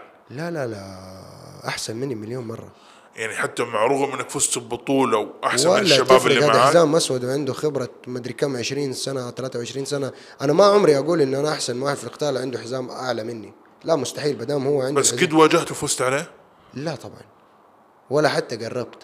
يط- يطحني. حتى الآن؟ دحين ما عمري قابلته بس برضه غالبا حيطحني. لا عجبتني صراحتك أيوه غالباً حنطحن. غالبا حنطحن. بس هو شوف أنا ما أقول حيفوز أنا أقول حنطحن في فرق. حيبهدلني. بس هو ما أعرف أنا دحين كم عمره إذا كان شايب مرة 60 70 ممكن أتغلب عليه إنه أصغر منه حجم آه عمرا. بس هو أكبر مني حجما هو هو 100 كيلو وطوله 180 190 ما أدري تخيلت إنه نحيف وغشيم. لا لا لا كبير كبير كبير ما هو صغير. كان حجمه مرة كبير. يعني قصدك كان رعب. أيوه طبعا. أغلب الناس شوف ما دام أنت حزام أسود في الجوجيتسو انت انت عندك عشر سنين خبرة كيف تكسر الناس. فهذا مو واحد تقول آه تقدر تفقعه. لا يا حبيبي. حتى لو انت حتى لو هو ما يعرف يدافع عن نفسه حتى لو خلينا نقول جوجيتسو كرياضة مو دفاع عن النفس وخش في مضاربة حنكون حيكون أحسن بمليون مرة من واحد يسوي كاراتيه أو كيك بوكسينج أو مدري إيه أو بس يتضارب زي كذا متاكد مليون في المية. طب حسألك نقطة هنا إيش اسم المدرب ده؟ آه خلينا بدون أسامي بدون ذكر أسامي. بس أنا أقول لك شيء المدرب ده اللي أنا ما كانت عندي معاه مشكلة بالعكس كان مدرب ممتاز من ناحية تدريس ومن ناحية تقنيات ومن ناحية جوجيتسو تعلمت منه مرة كثير مرة مرة كثير ما أقول لك قد إيش أنا استفدت منه. بس كان عندي اختلاف آراء معه واختلاف ما كانت عاجبتني البيئة اللي هو كان صانعها. بيئة ال- ال- المنافسة وإنه كسر وتكسر والكلام ده ما هو كشخص كويس بس هي طريقة تفكيره لا كشخص أنا ما كان يعجبني شخصيته أصلا. أوكي. شوية قليل أدب وهذا ما ما هو ما هو قدوة. ما ما كان يعجبني. ما هو قدوة. فأنا ما بقول لك إنه هو شخص بطال بس ما هو قدوة. ما اختلاف آراء وبس نمط الحياة مختلفة. في النهاية بيئة مجتمع وغير يعني. مو على البيئة عادي. أنا مثلا بول أصحاب وما عندي مشكلة مع بول ومع إنهم هذا عشر سنين معاه. أوكي. بس هو شخصية. وهو شخصيته هو اللي أدت للبيئة اللي في الم... اللي في النادي. ما أنا هو المدرب. أنا ما ناسبني. حلو. هذا بس وجهة نظري. عادي في اللي معاه مبسوطين معاه. بس أنا استفدت منه يعني ما ما ح... يعني أنا أشكره كثير وما حقول إنه لا أنا ما ما ما استفدت منه لا لا لا. مرة مرة استفدت وكثير من الجوجيتسو اللي تعلمته إلى دحين استعمله. فما حقول لا أنا ما تعلمت والجريسي وما في غيره لا لا ما حكذب على أحد. تعلمت من الدلاهيفا جوجيتسو كثير ولين دحين استعمله ولسه فنان فيه وتعلمت منه هو. فالله يعطيه العافية. بس كشخص ما عجبني. كمدرب كمدرب تدريس وجوجيتسو عجبني بس كبيئة ما ناسبني. نوعا ما فهمت إيش قصدك اللي تبغى كان في. احتكاك كان في احتكاك ما عجبني. وعدم عدم اهتمام في الطالب اللي ما هو ما هو مشترك في بطولات. إذا أنا ماني مشترك في بطولات ما أهتم. طيب هذه مسألة شخصية المفروض ما يعني نوعا ما ما يتدخل فيها صحيح؟ إيه بس لا هم أغلب أن المدارس الجوجيتسو تتدخل في دي الأشياء. وعندهم نفس ال- الطريقة حقت ده الشخص المدرب ده زي أغلب النوادي الجوجيتسو. يعني مو شيء غريب أو شاذ؟ لا ما هو غريب شيء أو شيء طيب الحين أليكس كان بالنسبة لك مدرب رائع إيه، صحيح؟ ممتاز صراحة فظيع. شرح لكم المنهج تقريبا ب 10 دقائق انبسطت كل شيء بشرحه. هذا أنا قلت بعد ما خلصنا خلصنا الحصة قلت له أسمع أنا بشترك. قلت له كل يوم أنا باجيك كل حصة باجيك. قال لي ما عندنا اشتراك كذا. قلت له كيف يعني؟ قال لي إحنا اغلى أكثر اشتراك ثلاث مرات في الأسبوع. قلت له لا يا حبيبي أنا كل يوم بشترك قلت له عادي أدفع فلوس زيادة. طالع فيا واداني النظرة اللي أنا دحين فهمتها أول ما كنت فاهمها اداني النظرة حق يا عمي أنت ما حتيجي كل يوم هذا حماس زايد وفلسفة زايدة وأنت حتيجي كم يوم في ال في ال في إيش يسموه في في التجربة وما حنشوفك مرة أص... تعرف ليه؟ إنه أنا الناس اللي تجيني مرة متحمسة دحين أديهم نفس النظرة اللي كلامهم كثير ونشاطهم كثير أقول له أنت أنت. حتولع بسرعة وحتطفي بسرعة آه بس أقول الصراحة عندي طلاب ما شاء الله جوني بحماس وبقوة وكنت شاكك فيهم بس اثبت أثبتوني غلط. أثبتوا جدارتهم. حلو. هذا دليل إنه. في طلاب رائعين. في لا لا في ناس متحمسة تكمل بس أغلب الناس المتحمسة ما تكمل. فأنا فوج فأفهم هو كيف كانت وجهة نظره لي. فإيش هو اداني عرض؟ قال لي أسمع أنت ادفع حق ثلاث مرات في الأسبوع وتعال كل يوم. أنا كل يوم كل حصة مو كل يوم كل حصة في وجهه. واجي قبله. هو قبل ما يفك النادي أنا قاعد بستناه برا عند الباب. أليكس انصدم. أيوه انصدم. هو أول في البداية قال آه هو متحمس متحمس متحمس. بس أنا قعدت معاهم تقريبا تسعة شهور لا ثمانية شهور. اشتراك أبو ثلاث أيام ولا أبو أسبوع ولا أبو إيش؟ ثلاثة أيام ثلاثة أيام في الأسبوع ثلاثة أيام في الأسبوع آه كل شهر. يسحبوا مني أوتوماتيك من أيوه البطاقة. بس هو أنت تداوم كل يوم عنده أنا أنا كل حصة مو كل يوم. يعني عنده مرة عنده يعني عشان من كثر ما أنا داوم زود الحصص. صرت أداوم ست مرات في الأسبوع مرتين في اليوم مرة في الصباح مرة في الليل. أنت كنت مرة متحمس. اي لا أنا كنت أروح المشوار لا تنسى المشوار اللي اخذه فأنا كنت أضرب مشوار ساعة رايح وساعة جاي واقعد هناك ساعة. ال- أنا اللي أنا فهمته إنه كمان كنت تدرس تخصصك. اي صراحة تعبت على نفسك من هالناحية. الحمد لله. طيب تسع شهور إيش صار فيها؟ ولا شيء خلصت البرنامج الابتدائي وقلت له ترى أنا واكتشفت إنه لو خلصت البرنامج الابتدائي أقدر أقدم ل مع آه، كورس التدريب حقهم وأصير مدرب وأفتح نادي في, أفتح نادي معتمد. مدرب بس ابتدائي قصدك حزام أبيض؟ آه لا فوق الحزام الأبيض اللي هو عندنا شيء في ال Gracie اسمه combative belt بين الأبيض وبين الأزرق. طيب الألوان أبيض أزرق؟ أغلب البرازيليان جوجيتسو أو الجوجيتسو البرازيلية أو الجوجيتسو أبيض أزرق بنفسجي بني أسود. إحنا في ال Gracie مزودين حزام لل- للأغلب اللي هو ال combative belt اللي هو أزرق وفي النص في شر في خط أزرق اللي هو ما بين ال... بنقول لك هذا بين الأبيض والأزرق. طب أنت أزرق لسه؟ وأشرح لك ليش؟ بناء على المناهج حقتنا. إنه الأز... الحزام الأزرق ليه معنى والحزام البنفسجي ليه معنى والبني ليه معنى والأسود ليه معنى والأبيض ليه معنى وال combative belt ليه معنى. فنتكلم عن المعاني دي كلها دقيقة في دقيقة في دقائق. فالمهم شفت إنه أقدر أصير مدرب مصرح. فأنا داخل ال Gracie جوجيتسو وأنا نيتي أفتح مركز في السعودية في جدة. النية من بدري من موجودة بدري. وقلت له وطبعا أليكس قال لي يا عمي أنت بت... طالع فيها نفس النظرة. اللي أيوه طيب طيب خلاص. المشكلة إنك أنت مثبت له. س- لا ده قبل ما أثبت له أنا بتكلم على أول يوم أنا حكيته. بعد أول يوم بعد العشر دقائق اللي تحمست أول حصة حكيت كل شيء.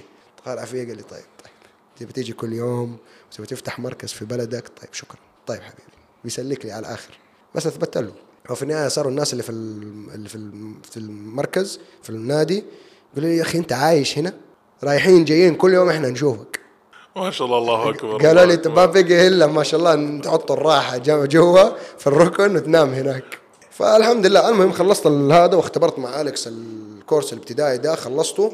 رجعت على جدة وبدأت على الكورس المدربين. اخذني أخذني تقريبا تسعة شهور ولا ثمانية شهور لما اخلص الكورس ده. لا تقريبا عشرة شهور. عشان أخلص الكورس ده خلصته سافرت على أمريكا. قابلت هيرون وهنر والمدربين الباقيين وتصرحت ومدري رجعت جدة. جينا نبغى نفتح المركز وإحنا بنبني المركز وكل شيء. بدأت أدرب في بيت أه... أمي وأبويا. دقيقة. آه. أنت بنيت ما استأجرت. لا في نفس المكان بنرجع نهيئ المكان عشان نقدر نفتح نادي. إنه المكان اللي أنا كنت اللي أنا اللي مستأجر فيه ما هو ما كان مهيئ كان مك... مكاتب. ما هو مهيئ إنه يكون مركز جوجيتسو. فأنا اضطريت نرجع نبني. تعيد هيكلة. إيه نري- نعيد هيكلة. نرجع نهيكل المكان. فكسرنا ورجعنا ب... المهم فرجعنا بنينا وبعدين وإحنا بنبني وأنا بدرب صرت في بيت أمي وأبوي لما كنت ساكن هناك معهم. آه في غرفة صغيرة برا في الحوش. ثلاثة أمتار في ثلاثة أمتار وفي له حمام. طيب دقيقة الله يحفظهم ويبارك فيهم الله طبعا الأهل فيهم. أي. حرجع سؤال ورا مرة. أرجع. الوالد والوالدة حلو. والجماعة. أيوه حلو. إيش كان موقفهم من مالك من هو صغير بالرياضة؟ لا مبسوطين. فرغ طاقتي. أنا مرة كنت أنا عندي طاقة زايدة. لو ما كنت عرفت من قصة حياتي. الله يحفظك ويبارك فيك. آمين يا رب. فكانوا مبسوطين انه نرجع البيت ونخمد وأنام. ما طفشهم. الله يعطيك الصحة. وكمان هم يعني أنت إيش حتقول لما يكون ولدك مهتم في أشياء كثيرة وهو يحب يكون في نفسه وأنت ما تحتاج تدفعه؟ إيش حتقول له؟ حتشجع. في ناس في ناس خليني أديك مو قصده يحبط بس خليني أوصف لك إنه يجي يقول يعني أنت غالبا حتدخل تلعب شهر شهرين وحتترك. لا بس هنا هنا هنا الفرق. أنا مو كنت بروح بلعب. أنا رايح أدرس أتعلم. أنا لما أتكلم عن الشيء أنا بتكلم زي كأني بتعلم زي كاني رايح مدرسة. فلما أتكلم مع أمي وأبويا لا أنا سويت كده وسوينا كده وتعلمنا كده يعني أنت مآمن. بالشيء. اي اي فلما يتكلموا معايا ويسمعوا مني ما شايفيني إن أنا جاد ما بلعب. ماني رايح آه والله حلو كان انبسطت اليوم. لا. والله أيوه سوينا الحركة دي وسويتها وما كنت كويس ولازم أسوي كده وقال لي لازم أحرك رجلي بالطريقة دي. وأنا كنت هذا وشوف سويت هنا بس خبصت في دي الطريقة بس عرفت أضبطها بدي الطريقة. لا لا. اطفشوا مني بعض المرات من كتر ما أخش في التفاصيل المملة. فهمتك فهمتك كواحد صغير مرة متحمس أيامها. أيوه وكان يعني الحمد لله الحمد لله آه هذه هبة من رب العالمين.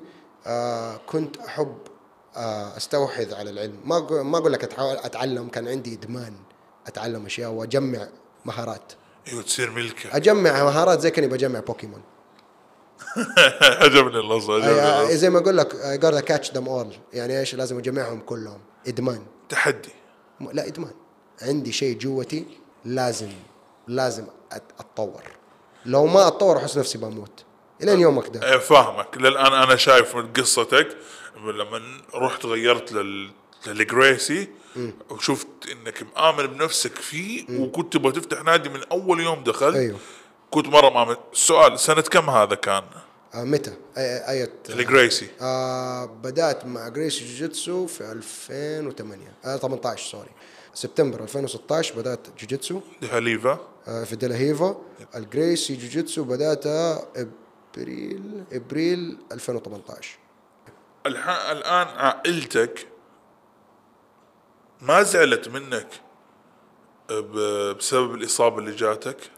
لا أبوي وأمي ما كانوا يعرفوا. 15 شهر. أنا كنت برا مسافر. ما أدري انك مصاب. بس أخوي.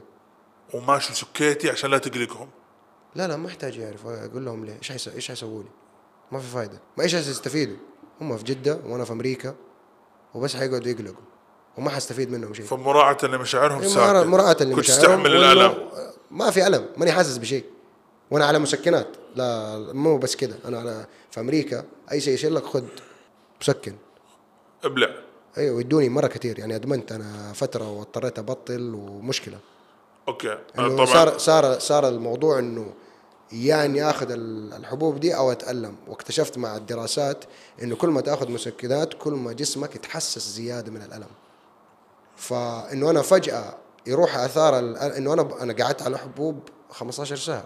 فأنت بتتكلم صار المفعول حقه يختفي بسرعة. جسمي صار عنده مناعة. ف... صار يضطر لازم تأخذ حبوب أكثر أيوه هذا خطر. ممكن أموت. ف وأنا كنت أدرس الأشياء دي إنه أنا درست علم نفس.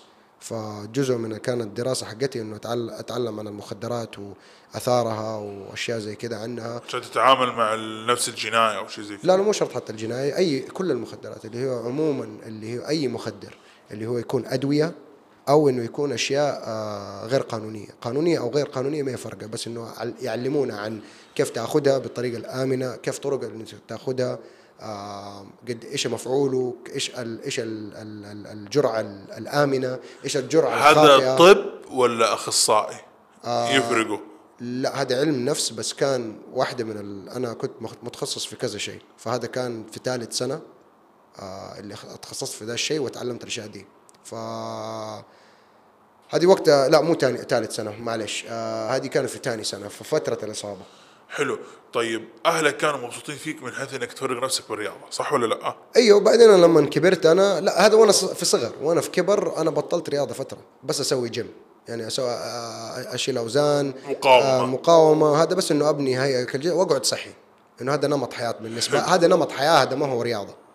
أنت قلت لي نمط حياة وهذا ما يعتبر ما يعتبر رياضة. ما يعتبر رياضة. بطلت الرياضات كلها فترة طويلة من عمري 15 سنة إلين عمري 23 لما بدأت كاراتيه مرة ثانية لما رجعت بعد الإصابة. أيوه. طيب. بس يعني أنا ما أعت- يعني زي الباركور هذه ما كنت أعتبرها رياضة كنت كانت هواية كنت أروح أسويها تسلية انبساط. إنه شيء وناس إحنا والشباب. اي لا مو الشباب أنا كنت لحالي. ما لحالك. ما حد يجي إنه أنا كنت كنت متهور. بنط نط فوق مباني وقصص. شيء يخوف. شيء يخوف. طيب آه نمشي لقدام. أنت خلصت تبغى تاخذ شهادة ال انك تصير مدرب. طبعا أنت قلت لي إنه أي. تدربت. آه جيت هنا السعودية. أيوه. دربت في غرفه صغيرة في الحوش حق البيت. أيوه ثلاثة امتار في ثلاثة امتار المهم كملنا وضربت آه، كورونا. بعد ثلاثة شهور ما بدأنا. بعد ثلاثة شهور؟ لا مو ثلاثة شهور معلش بعد إحنا بدأنا في سبتمبر 2019 بدرب في البيت. آه كورونا بدأت في اللي هو ال- الحجر في مارس ولا أبريل 2020 شهر ثلاثة. شهر ثلاثة اللي هو مارس اللي هو شهر ثلاثة. مارس آه شهر ثلاثة 2020 فمن سبتمبر 2019 شهر تسعة لين شهر ثلاثة بتتكلم على ست شهور. ست شهور اشتغلنا وبعدين قفلنا. طبعا أنا ما كنت بعلن انه بس ناس أعرفهم وسمعة وناس وكنت محطوط على يعني جوجل تقريبا نوعا ما البيئة اللي محيطة لا. ما هي بيئة بالعكس أغلب الناس اللي كانوا بيتمرن معايا ما أعرفهم. أوكي. تعرف ليه؟ ليه؟ انه اللي معايا خايفين يتعوروا ويتفشلوا ولما يكون واحد تعرفه بيدربك آه، مو سهل في كبرياء ما ينفع نتفشل قدامه. أنا هذا كنت أهزئه في الجلسة لا ما عمري أنا أتهزأ لا أنا أقول لك يعني هم كده في جوا هو- ولا أنا لا، يقول لك يعني. الصراحه اللي ناوي يهزئك في الجلسة هو خسران. تايشي تايوان كاراتيه هو في النهاية. هو في النهاية لا أنا طول عمري كنت رياضي وكل كل عمري كنت اللي حق الم... آه هذا حق الفنون القتالية في المجموعة. لا أيوه أقول لك لما يجي لو فكر إنه إنه يهزئك ولا ينكت عليك هو خسران في النهاية فما يقرب بالضبط. فهو. في النهاية لا بالعكس أنا أصحابي نطقطق على بعض والأشياء دي ما في زعل. عادي إيه واحد يستهبل عليه ما, ما في زعل ما في آه لا أنا كيف أنت تسوي؟ أنا ما ما ما في الكلام ده. أهم شيء إنه الموضوع ما ما يقلب جدية بمدة يد وأشياء إنه انت يعني بتتطاول مزح وهذا في مزح وفي مزح باليد بس في فرق إيش؟ النية. أيوه النية نرجع. لنية المدرب اللي كان يبي يعورني هذاك اللي كسر الظل. أيوه اللي بيعورني جاني شعور. خلينا نقول ما كسرها جاني شعور. عشان ما نظلم ما نبالغ يعني. لا نبالغ ولا نظلمه. جاني شعور. فالنية هي. فلا أنا فالأصحاب يقول لك إنه لا أنا كيف أخسر؟ يعني إنه في مستوى هنا بيننا إحنا أصحاب ونمزح ومدري إيه، بس ما عمرنا إيش نشد على بعض. يعني ما عمري أبى أحس إنه أنت تقدر تكتفني وأنت تقدر تمسكني وأنا ما أقدر أسوي لك شيء. وما نلومهم صراحة. ما الومه ما أنا ماني زعلان من أي واحد من أصحابي ما بيتدرب معي. ف يعني أنا عندي ثلاثة من أقاربي لا ثلاثة اثنين. اثنين من أقاربي بيتدربوا معايا. واحد عشان خسر تحدي والثاني عشان ولده الصغير بيتمرن معايا وأتحمس. عجبني واحد خسر تحدي. واحد خسر تعدي في رهان كانت الشغلة. إيه في رهان كانت الشغلة. لا هو ما كانت في رهان. مو إنه تعال تتمرن معايا. قلت إنه هو كان مسافر على بلدة مع نيويورك وكان في كان في مركز معتمد هناك. قلت له شوف لو خسرت التحدي ده لما تروح نيويورك تخش المركز وتشترك وتتعلم جوجيتسو. قال لي تمام. قال لي طب أنا لو فزت إيش إيش هذا؟ قلت له أنا أقول لك يا معلم وأنا أنت المعلم حقي وأنت عمي طول حياتك. كل عم طول حياتك تستهزئ بي. وأنا أقول لك وأنا أعترف قدام كل أحد. طبعا عجبه التحدي. طبعا فيها عمي. إيه إيه في عمي. وأنا أنت أنت تهين كرامتك ومدري إيه. بس أنا كنت واثق من نفسي إنه قلت له أسمع إحنا نتصارع لو أنا خليتك تستسلم أول أنا أفوز. لو أنت تخليني أستسلم أول أنت تفوز. طبعا أنا عندي جوجيتسو وما عنده جوجيتسو فأنا مليون في المية واثق إنه أنا حفوز عليه. حتفضح. ف... فما ف... فمرة ما كان أنا ما كنت بتحدى هو بيتحدى. أنا هو اللي جابه لنفسه. هو لا هو خسران هو بيتحدى مع نفسه. أنا ما كنت بتحدى إنه أنا ضامن الفوز. من كتر ما الجوجيتسو فرق شن شاسع بين واحد يعرف جوجيتسو وبين واحد ما يعرف جوجيتسو ما هو تحدي. يعني زي كانك بتستعمل سحر بتستعمل سحر. ما هو وناس كتير تقول لك الكلام ده. ومو ناس أي كلام. يعني هذا ما يعرف جوجيتسو ممكن ما هو في, آه في اللياقة أحسن لياقة كان في وقتها. بس أنا سمعت القصة دي من ناس مثلا في القوات المسلحة في الفئات العسكرية الخاصة اتضربوا مع واحد جوجيتسو يقول يا أخي زي السحر ده. ناس فنون قتالية عالية. يسووا يتعافروا مع واحد حق جوجيتسو يقول لك يا عمي هذاك ما أدري إيش سوى. سحر. كيف خرج كيف خنقني كيف سوالي سحر. سبحان الله. زي البنت الصغيرة دي شفتها تسوي سحر مع ده الادمي اللي عملت له فيونكه أنا شفت تعرف لما تشوف لما أحد يسوي لك حركة يقول لك شوف تادا magic فأنت تنبهر wow! فأنا حبيت أعرف كيف طب سويت الحركة. وهذا كل واحد إيش رغبته لما. لما أحد يسوي لك حركة يقول لك هاي اختار ال- الورقة في الكوتشينة. يسوي لك حركة تقول له طب وريني كيف. يقول لك لا يا حبيبي ما أوريك. فالجوجيتسو يوريك الحركة يقول لك تبي تتعلم؟ تعال. بس أغلب الناس يقول لك لا لا ما خاف فالمهم نرجع. فكينا هنا جات كورونا. وقعدنا مقفلين. بس الله يعطيهم العافية. هيرون وهنر قالوا لنا بدام أنتم ما بتسوي فلوس إحنا ما نسوي منكم فلوس. فما ما ما أخذوا مننا آه شو اسمه أي آه أي رسوم ولا شيء. الله. الله الله يعطيهم. العافية. والله يوفقهم ويهديهم أيوه. إلى ما يحب ويرضى أيوه. نقطة. الآن كنت تربي تربي ناس. كنت تدرب. والله أنا بربي دحين أطفال وهذا صراحة أعتبرها تربية. وأهاليهم بيقولوا لي ما شاء الله أنتم بتربوا. فالحمد لله. الله يعطيكم العافية. الحمد لله. دربت ناس في البيت. أيوه. تقريبا لو تبغى تجمعها أنت جلست ست شهور تدرب ناس في البيت. كم هذه الفترة وأنت تدرب كم طالب ما شاء الله دربت تقريبا مواظبين ولا اللي دخلوا المكان وخرجوا؟ نقدر نقول جلسوا معك شهرين يعني أو شيء زي كذا. لا اللي جلس جلس لين ما قفلنا. في البيت؟ أي اللي اللي دخل كمل معنا لين ما جات كورونا. يعني عددهم بالمجمل 100 تقري- لا 50 لا لا لا ما يكفي المكان. إحنا قفلنا لا لا أنا. بتكلم بشكل عام يعني. لا إحنا إحنا قفلنا العدد إحنا إحنا كان عندنا 23 طالب متواظب تقريبا في المكان الغرفة الصغيرة دي بس ما كانوا يجوا في نفس الوقت آه ولما يجوا فد يعني لو جو مرة كثير أحط كل ثلاثة في مجموعة وياخذوا ولا كل أربعة في مجموعة عشان إيش إيش في مكان الناس تتحرك بس جات فترة لما جينا على 23 قلت خلاص ما ما حقدر آخذ أحد ثاني المكان فل طب سؤال فكان حسن. عندنا wait list كبير يعني في ال wait list كان في له فوق 100 شخص. ما شاء الله تبارك الله. سؤال ليه انت سويت جوجيتسو ببيت والدك ووالدتك؟ ما عندي محل ثاني كنت انت تسوي هذا الشيء شغل وظيفة؟ اي وظيفة. آه. أنا هذا كان شغلي طب. ليه ما رحت اشتغلت بتخصصك الجامعي؟ آه. لأنك انت كافحت وتعبت يعني درست. ليه؟ ما صارت مواقف إنه بطلت ما أبغى. أنا ما بتكلم كثير عن حياتي الشخصية أبغى أركز أكثر على الجوجيتسو. ما هذه هذه أشياء يعني قصة تانية وصراحة بس كذا جاني آه صارت صارت أشياء في التخصص نفسه اللي يعني مواقف أنا ما جازت لي ما ما ناسبتني وقلت لي يا عمي أخش شيء تاني. حلو حلو. وجربت أشياء تانية وفي النهاية أنا انبسطت في الجوجيتسو. في الجوجيتسو كوظيفة كشغف كنمط حياة وكملت فيه. طيب والدك ووالدتك إيش كانوا ينظروا لك لما كنت تدرب في الغرفة؟ آه في الب... لا في لما كنت بدرب في الغرفة أنا طبعا أخذت موافقتهم وقيدهم هم 100% داعمين. بس قبل طبعا أول ما رجعت قلت لهم يلا جوجيتسو أنا طبعا ما قلت لهم. أنا جيتهم بالحزام وبالهذا وقلت لهم يلا جاهز أتصرح وما أعرف إيش وقيدي دافع أنا من فلوسي. آه قلت لهم أنا جاهز وحسوي جوجيتسو وما في محاماة ولا علم نفس ولا شيء. طبعا كان في اعتراض كبير. آه أكيد واحد درس 11 سنة برا وعنده ماجستير قانون وما يكمل في وظيفه في, في تخصصه.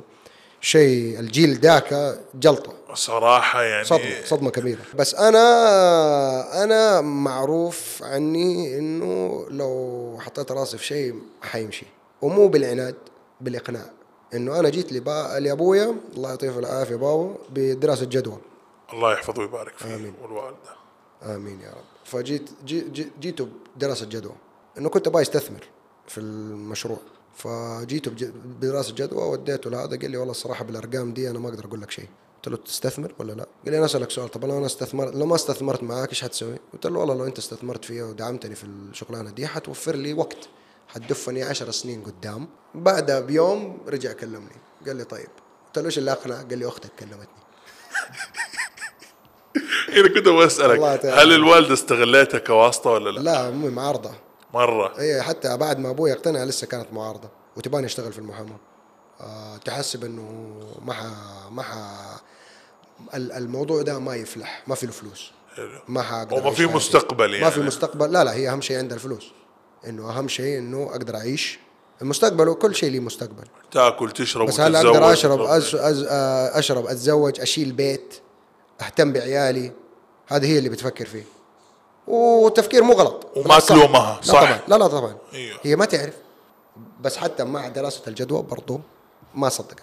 هي ممكن ما هي business يعني ما لا لا. أمي ما شاء الله عليها متعلمة وتعرف وأبوي دائما كان مشاركها في ال business بس عشانك. أنت ولدها وأنا ما الصغير وأنا الصغير. أوكي. اي ف وهي بالنسبة لها لا لا تاخذ شيء مضمون. طيب سؤال إيش نظرة إخوانك لك؟ لا ما إخواني ما يقولوا لي شيء. ما قد هزأوك على ذا الشيء؟ أنا ما اتهزأ وانت تسوي لهم جوجيتسو طيب بس ما اتهزأ ما له دخل بالجوجيتسو ولا كخطر ولا تهديد ولا شيء. بس هو في احترام. طب ما قالوا لك غلط؟ لا طبعا. جايهم بدراسة جدوى انت جايب لهم ورق رسمي ما إيه أنا. ماني جاي. آه والله أنا كذا فجأة يوم من الأيام أنا حسوي جوجيتسو لا جايهم بدراسات وعلم وببحوث ومستثمرين أشياء. هم مامنين فيها. أيوه أشياء هم عارفين. يعني أنا أخوي يشتغل في ال... كان يشتغل وقتها في البنوك وزي كذا وماسك منصب كبير ويفهم في الاستثمارات ويفهم وأنت جايب. له بالشيء اللي يهمه في شغله. وهو اللي س... هو اللي قال لي قال لي سوي دراسة جدوى. هو اللي أنا استشرته قبل ما قبل ما أخش الموضوع ده كله. قال لي سوي كذا كذا كذا وشوف لك مستثمرين. قال لي إيش ال options الثانية خذ لك كذا خطة وأنا سويت زي ما هو قال لي. حلو إنه رحت لأخوك. اي وأخويا إنه هو هذه هذه شغلانته هو الخب هو الخبير. فانا أنا ماني أهبل. فأنت لما بتسوي أي حاجة تروح للناس اللي عندهم خبرة. اللي يفهم. عجبني عجبني. طيب آه إيه. الله يحفظها أختك. أيوه. دخلت على أبوه قالت له أيوه لا أمشي مع أخوي. لا لا إيه قالت له ترى إحنا منا زي أيام زمان. لا تخش في الوظيفة دي محاماة قانون قانون آه طب هندسه ما في غيرها. هذا اللي يفلح. قال قالت له ترى البلد بتتغير ولا الأشياء دي مرغوب فيها وترى هذا في له مستقبل وفي له فلوس وفي له كل شيء. هي أكبر منك بكثير آه تسع سنين تقريبا. أوكي. فقريبة للوالد بال يعني مو قصدي قريبة بالعمر بس أقرب للوالد منك. لا مو شرط فممكن مو تعرف. تتكلم معاه مو- بطريقة. مو شرط.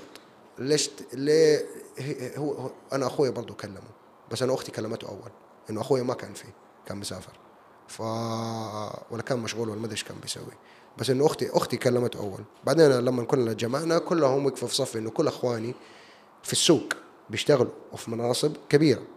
فعارفين الوضع كيف. وكمان هم مع حداثة ال- أيوه فهم في فهم هم عارفين إيش بيصير في الاقتصاد. فلما يسمع لما هم يتكلموا أبوي يسمع انه هم عندهم خبرة في المجالات حقتهم. فبالذات أخوي إنه هو ما شاء الله عليه في موضوع الاستثمارات وهذا. غير إنه كلمة أخوك يعني بالنسبة لشغله لوالدك خبرة. ثقة. أيوه في خبرة. يثق في ابنه أيوة. الكبير إنه أيوة. هذا هذه خبرته. خبرته ما هي قليلة. طيب. فلما قالوا له قال قال لي طيب خلاص اقنعوني. والله يعطيه العافية إنه أغلب الناس اللي في سنه ما يغيروا نمط حياتهم. صحيح صحيح. بس الصراحة أبوي طول عمره هو دائما يتغير مع الأحوال والأحداث. دائما مت- متطور. قابل وهذا شيء. وهذا شيء أنا أخذته منه إنه أحب اتطور هو كان قدوة في ذا الشيء. فالحمد لله الله يحفظ لكم الله. ويبارك ويحفظ لك العائلة أيوة الكريمة. الحمد لله حلو؟ الله آمين. أخذ الأكشن والدك. قال لك أنا معاك. قال لي أنا معي بس بدأنا في شغل وضربت كورونا وفي وقت فترة كورونا أنا كنت بشرف وأنا اللي ببني وأنا اللي بسوي. أنا كنت بشرف على كل حاجة. أنا بسوي من الألف للياء. أنت تأمن شيء. تكون ما دام هذا شغلك لازم تبدأ فيه لا وبنفسك لا أنا لين أنا ما النهاية. أضمن. أنا يوم أنا ساعة تأخرت على الموقع كسروا جدار ما المفروض كانوا يكسروه كانوا حيكسروا خرسانة والمبنى كان حيطيح جدار الخرسانه إيه كان حيكسروه فأنا هذا ساعة متأخر. فانا أنا كل يوم ستة الصبح أنا هناك أول واحد. ما شاء الله عليك ما شاء الله ونبني ونسوي وهذا. وبس وخلاص. فالمهم فتحنا المركز وبعدين كورونا صارت وصرنا ندرب أونلاين زوم والواحد وسولو بس نتعلم الحركات وكيف تحرك جسمك زي كأنها رياضة. رجعنا لإيش؟ الفنون القتالية الثانية اللي ما كان لها هدف. بس قال فيها فايدة. فقلنا بدام إنه ما نقدر نتدرب على الواقع نتعلم إنه كيف ن... إيش؟ نبني نفسنا ونبني جسمنا ونتعلم التقنيات كحركات فقط وليس كتطبيق. في ناس مامنين فكرة الزوم أساسا؟ كانوا والله أنا عندي سبعة ولا ثمانية طلاب على الزوم. وشفتهم على الواقع؟ آه في منهم رجعوا في منهم ما كمل. اللي اللي ما كمل بسبب وظائفهم. هذا فترة كورونا. فترة كورونا. بعد كورونا بعد ما فتحت الموضوع وصار في تمرين وهذا رجعنا أول شيء بكمامات والوضع كان صعب والناس ده هذا- سؤال بس الحين أنت كنت فترة كورونا تبني المركز. أيوه. حلو.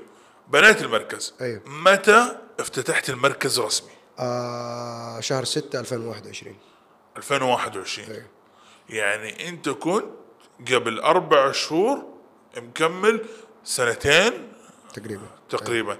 يعني الآن أنت لك سنتين وأربع شهور ما شاء الله. ما شاء الله الحمد لله. ما شاء الله الله يوفقكم ويبارك فيك. آمين يا رب. آه طيب أول ما فكيت المركز. حلو.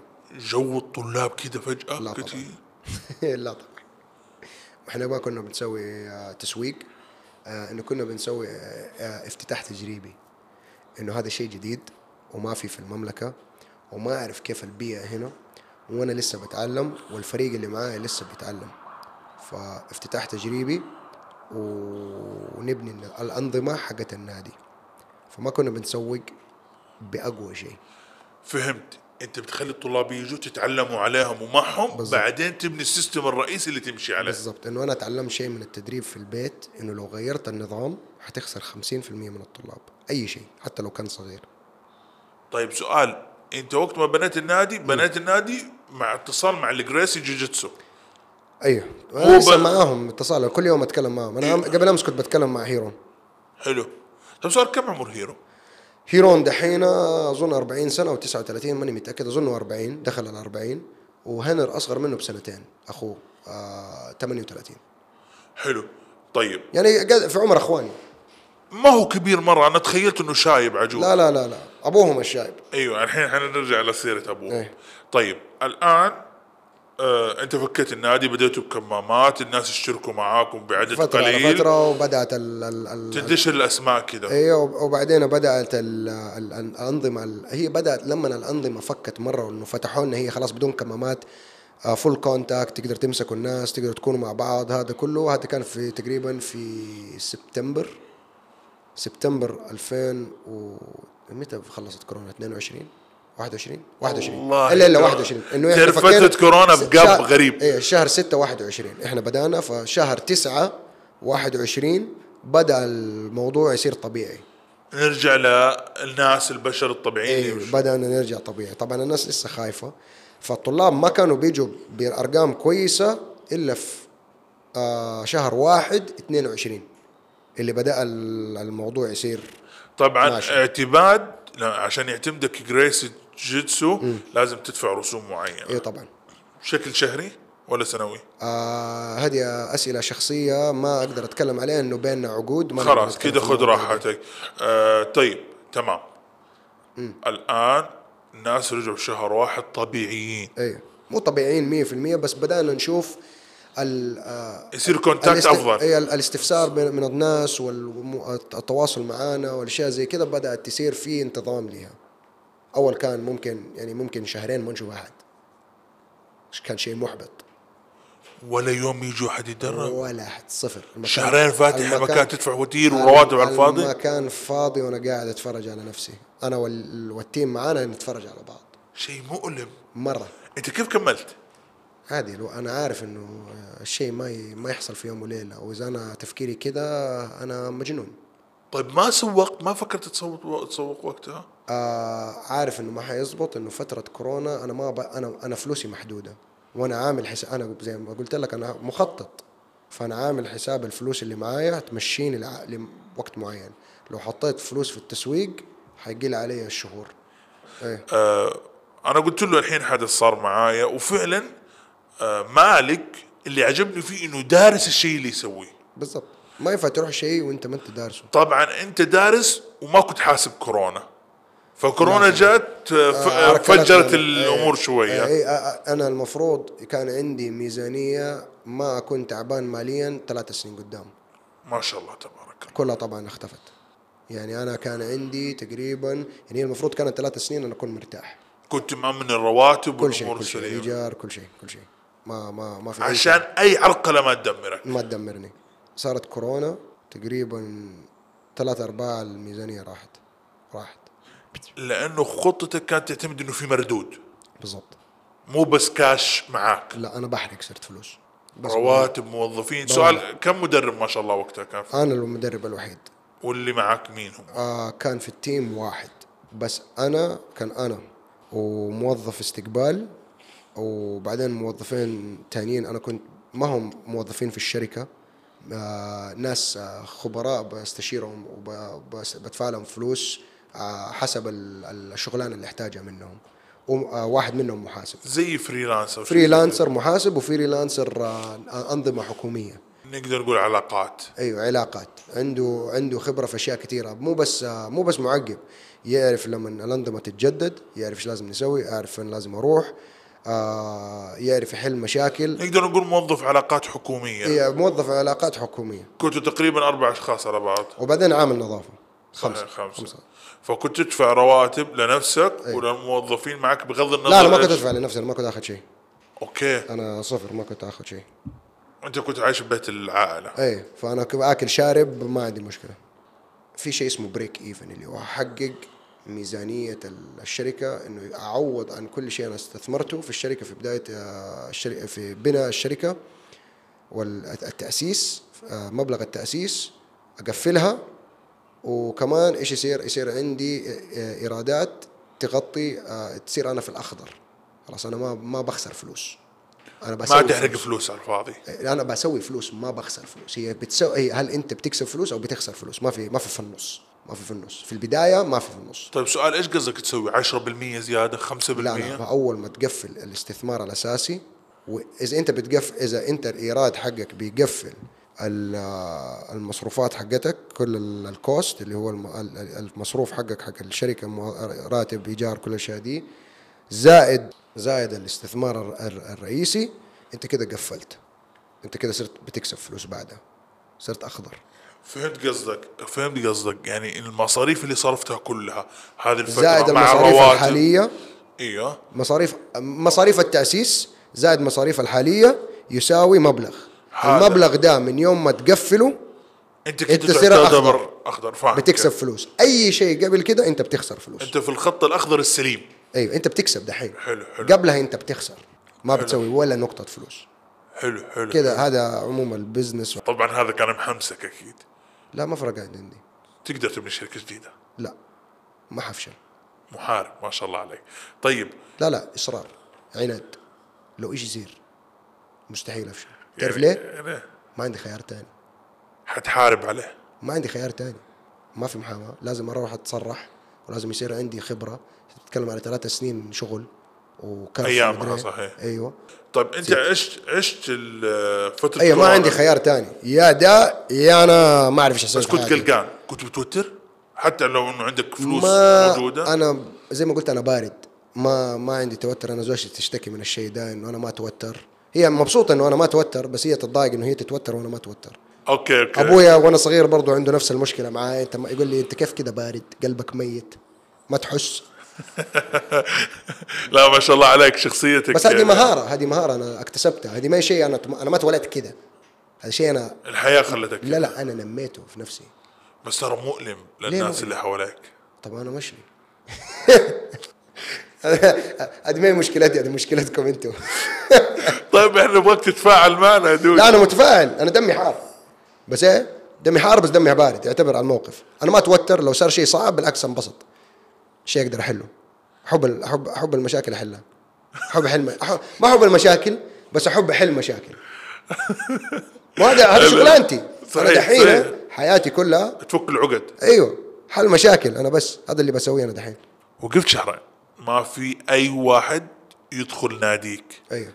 يعني في ناس تدخل بس ما بيشتركوا ما يرجعوا. يعني ناس تدخل الباب تخرج بس ما نشوفها مرة ثانية. وشيء يزعل. أيوه طبعا. يزعل. أيوه طبعا. أيوة أنا فاهم محبط. زي واحد لما يتعب ويطبخ أكلة وكل شيء لما يقول. أكلك مو حلو لا لا بالعكس كل واحد يقول لك ممتاز كل شيء جيد ما أدري إيه وبس ما نشوفه مرة ثانية اسوء أسوأ. اسوء يعني كذبت علي برضك يعني ما اديتني شيء أقدر أستفيد منه. أو ما عالجت لي مشكلة عندي عشان اي ما قلت لي إيش. المشكلة؟ ومع إننا إحنا مرة صريحين ومرة واضحين في المركز وكل شيء نحبه واضح ونتكلم وتعاون وفي كل حاجة. وأي واحد أنت لو تشوف على جوجل review تشوف ال ال كل ال- شو اسمه التجارب حقت الناس آه شو اسمه تكون إيجابية. طبعا في ناس في واحد سلبي بس آه إذا واحد يبقى إذا تبغى تروح تقرأ اقرأ. أنا ما حنتكلم في الموضوع هنا. خلاص هو القصة أساسا من الحلقة. لا لا خليها في الحلقة. أنا ما عندي مشكلة. أحب الإيجابي وأحب السلبي. حلو، الحياة. كده. حلو لازم حلو. تكون في الواقع. آه طيب. أنا حسألك سؤال هنا. اسألني. بعد الشهرين. أيوه. إيش صار؟ ولا شيء كملنا على ذا النمط. الناس تشت... بدأت الناس تشترك. واحد اثنين ثلاثة أربعة. إلين ما بدأنا بعدين يناير بدأنا نصير عشرة بعدين فجأة عشرين وكملنا وهذا والحمد لله دحين فوق مية طالب وال... والحمد لله بنكبر والموضوع الأمور ماشية. الحمد لله. للآن ماشية؟ طيب. بالعكس دحين أول كنا بنم... بنمشي دحين صرنا بنجري. حلو حلو. ما شاء الله. عقبال بس بنسوق وهذا. وأنت جيت أنت. كيف كيف تعرفت علي؟ آه أوكي لا تسويق. إيه تسويق. شغل. إيه التسويق لا عندنا لا صار فيديوهاتكم حلوة. لا ما إيه شاء لا الله. لا الحمد لله التسويق عندنا صار حلو. إنه خلاص النظام اللي في المركز ثابت. ما حيصير فيه له تغيير جذري. ممكن تصير فيه تعديلات مع مشاكل مع العملاء ناس ينبهونا على أشياء نتعلم نتحسن هذا شيء أساسي. ومع مع الزمن. آه زي أيام زمان الناس اللي ما كانوا بيصيروا إنترنت وقاعدين على التليفونات ماتوا.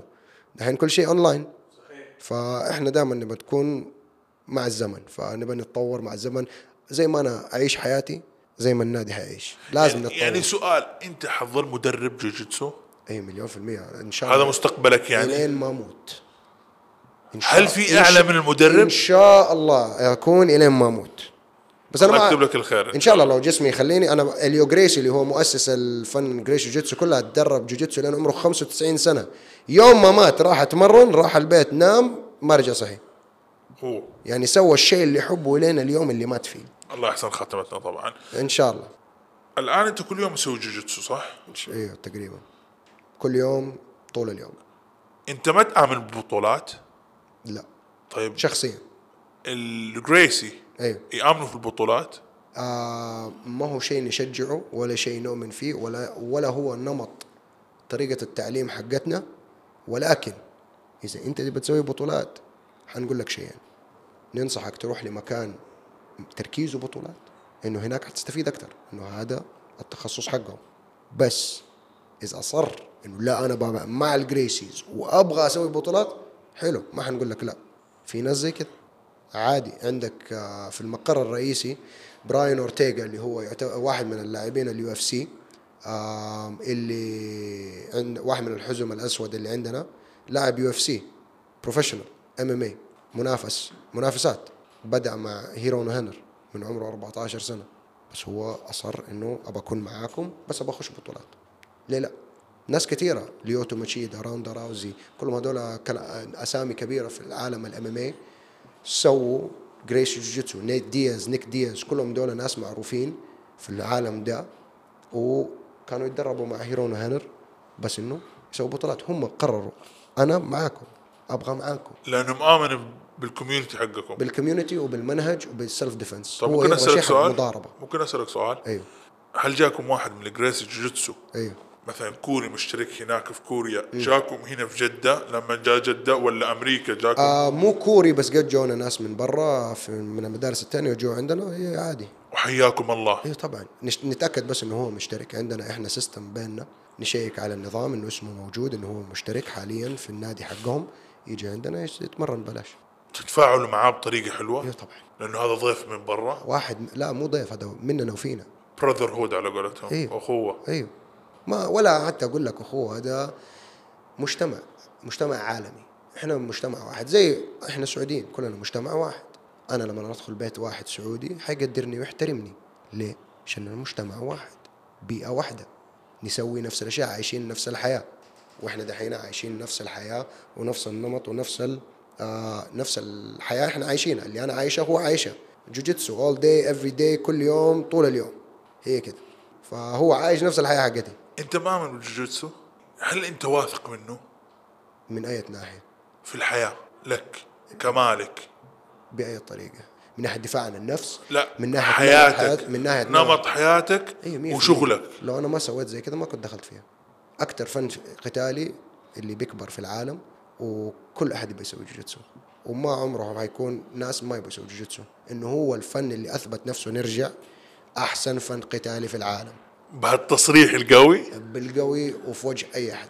واللي عنده أي اعتراض تعال واجهني في الحلبة. ولا أنا. مالي شغل. أنا ما أحتاج أواجه أحد.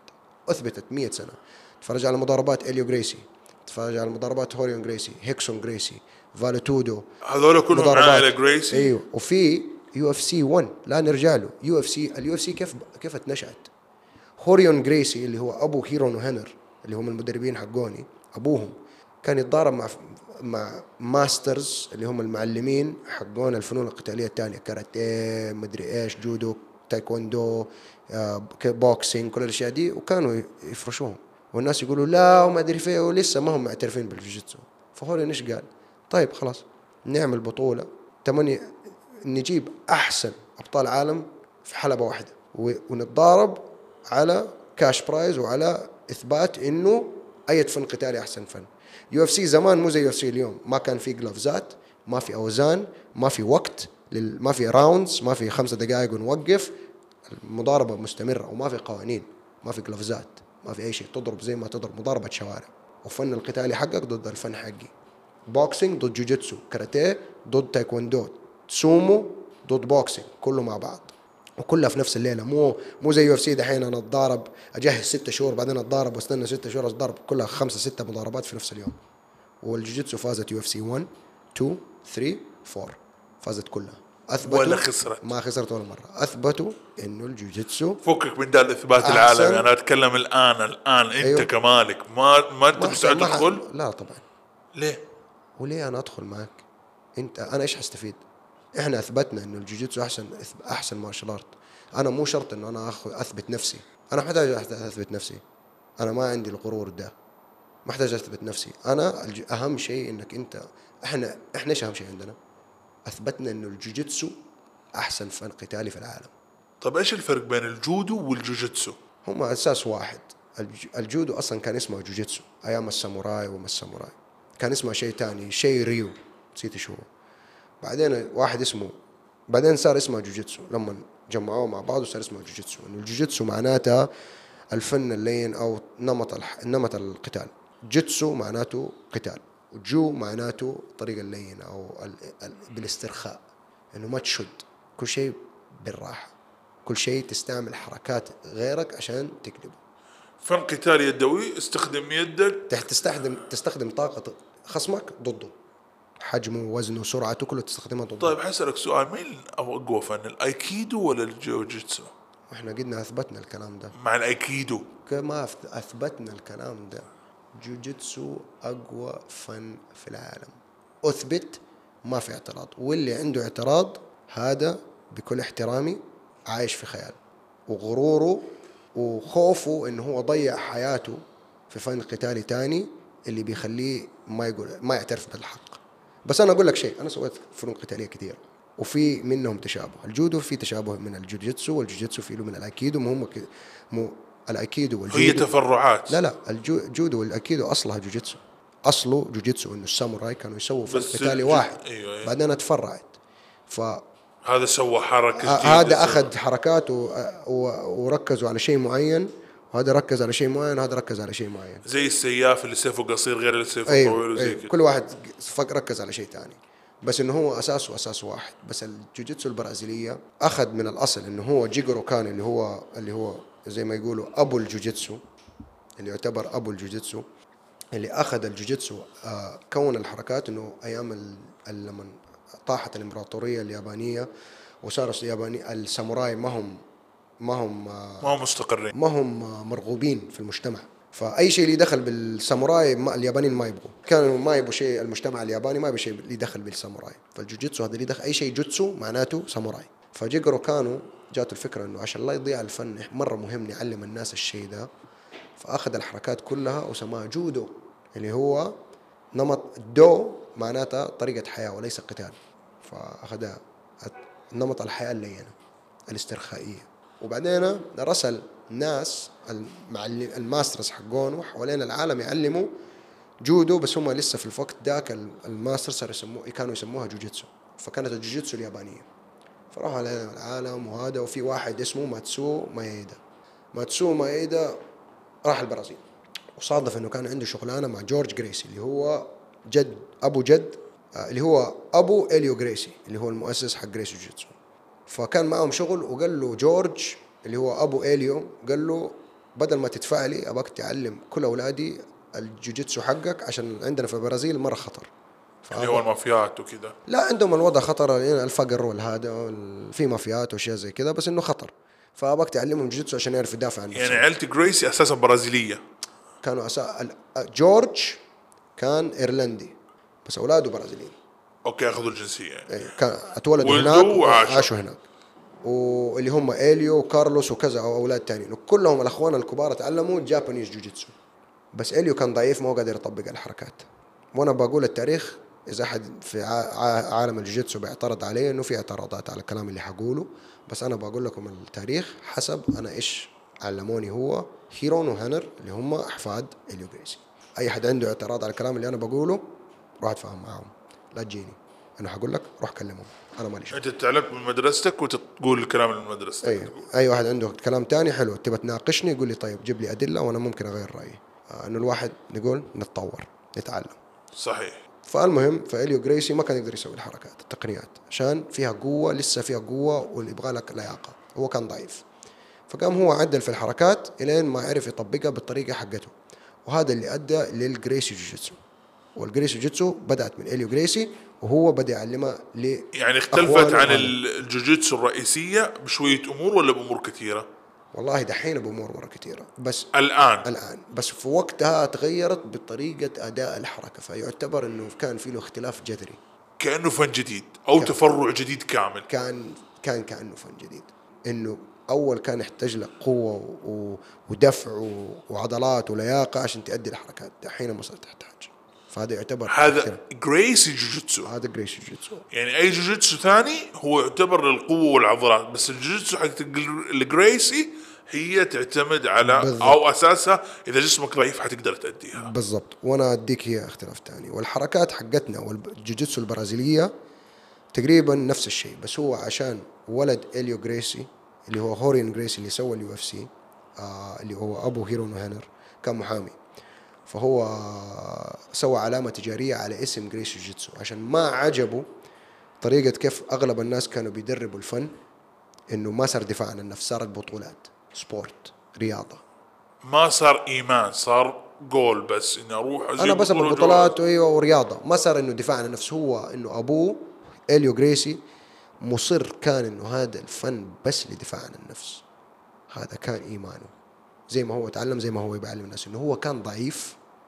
وادته قوة أدته إيمان أدته ثقة بنفسه أدته مهارات يعرف يحل مشاكل في حياته. فما كان يبغى يخسر الشيء ده.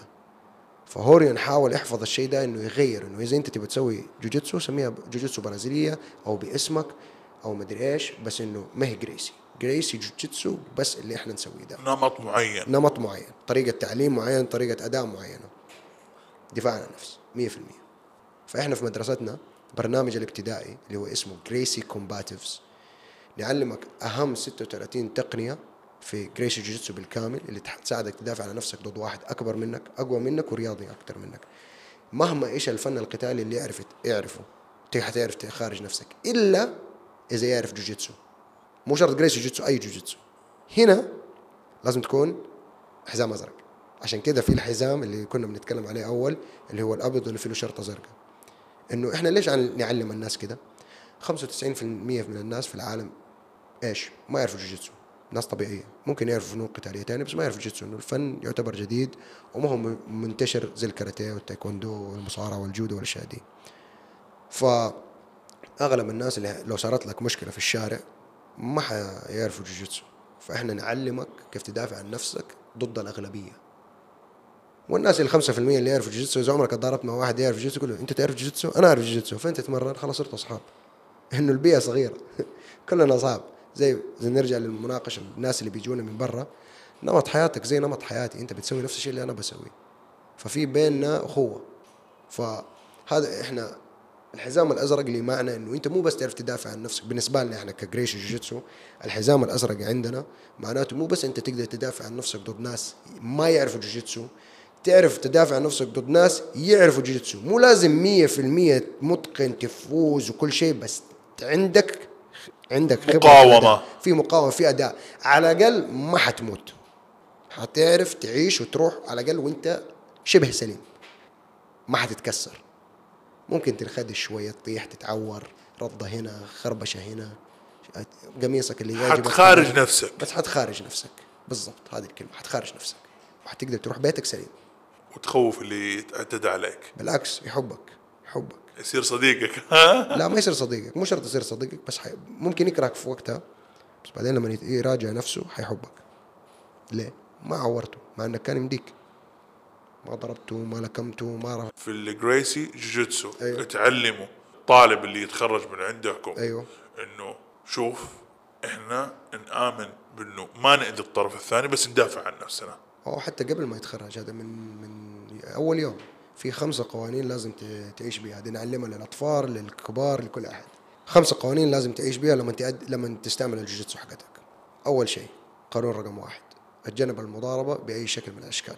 مهما إيش واحد يقول لك ما حد إيش يسوي لك لو تقدر تجري تشرد اشرد ما أنت جبان ما أنت ما أنت رجال. بالعكس أرجل شيء. إنك اتجنبت المضاربة. إنه لو تدخل المضاربة حتى لو فزت أنت خسران.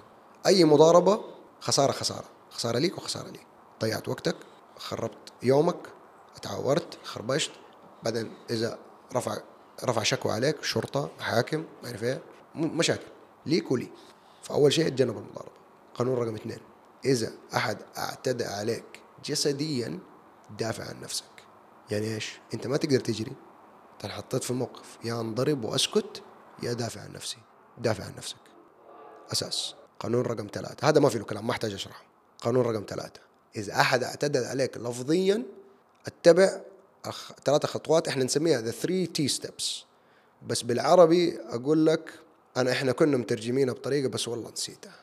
عيد عيد الترجمة. عيد الجملة نحاول نترجمها نحن. خبرتنا the. 3 T steps بس هي إنه الكلمات بالعربي ما هي بالتاء. فخليني إيه، أقول لك okay إيه. okay قولها بالإنجليزي بعدين قول لا لا. عادي أنا أقولها بالعربي ما فيها مشكلة بس إنه إنه ما لها هي اصلها إنجليزي إيوه هي أصلا إنجليزي وبالإنجليزي لها حركة آه أيوة. 3 T steps أشياء تقدر تختصرها عشان تتعلمها أسهل وفي بالعربي بس أنا ماني مفتكرها دحين آه من نسيتها الصراحه آه، إنه أغلب. آه، منهجك إنجليزي عشان المنهج إنجليزي عشان هو أصلا منهج إنجليزي أنا بدرس بالإنجليزي عشان المنهج إنجليزي بس يعني طبعا أنا سعودي وعربي وجداوي ولما يجينا واحد ما يعرف يتكلم إلا عربي بنعلمه عربي. يعني أنا عندي طلاب صفر إنجليزي. صفر. صفر إنجليزي. صفر. حتى يس. نو ما في. حلو حلو. فأشرح له بالعربي. عادي والحصة تصير عربي إنجليزي ما فرقت. وعندي أجانب وعندي سعوديين وعندي من كل أنحاء العالم. فالمهم هذا القانون رقم ثلاثة. إذا أحد اعتدى عليك لفظيا حتتبع ثلاث أشياء خلينا نقول. أول شيء حت... حتتكلم مع الشخص اللي تعدى عليك لفظيا. حتقول له أسمع وقف ترى ما عجبني الكلام اللي قلته لا تقوله مرة ثانية ما تبغى يتأسف ما تبغى بس لا تعيده. حتقول له في وجهه تواجهه ما سمع الكلام برضه بيتعدى عليك لفظيا حتروح تشتكيه. لمين؟ إذا أنت في الجامعة للجامعة. إذا أنت في وظيفة لمديرك. للشؤون الموظفين. إذا أنت في الشارع للشرطة تكلمهم. عادي أنا أديك مثال واحد اعتدى علي لفظيا السنة اللي فاتت في محطة. قلت له لا تتكلم معي زي كذا. زار الطاوله مدري إيه وصار بيتهجم قلت له اسمع لا تقرب مني, لو سمحت وحطيت السيارة بيني وبينه. قلت له لا لا تتهجم. ماني ماشي أنا مدري إيه صارت لي مشكلة. كلمت الشرطة. جو الله يعطيهم العافية في أقل من دقيقتين. جاني شرطة طبعا كله فر. قلت له لا تشط قلت له والله لا أجيبك بالكاميرات. قلت له في كاميرات في المحطة. قلت له والله لا أجيبك لو شرطت بالكاميرا- بالكاميرات. جاء الشرطي والله يعطيه العافية حل لنا المشكلة. اشتكي. ولا تشتكي واحد بس اشتكي كذا واحد. أنا أعلم الأطفال اشتكوا ثلاثة إذا تقدر. آه لا معلش الأطفال أقول لهم غصبا عنكم تشتكوا ثلاثة. لو صار لكم موقف تنمر في لفظيا في المدرسة تكلم. ما زبط اشتكي ثلاثة. المدير المدرس ولازم أمك وأبوك. لازم. إذا أنت بالغ عاقل ما حتشتكي أمك وأبوك بس إنه ليه لا؟ يقدروا تروح. للحكومة. تروح للحكومة على طول. أو مديرك.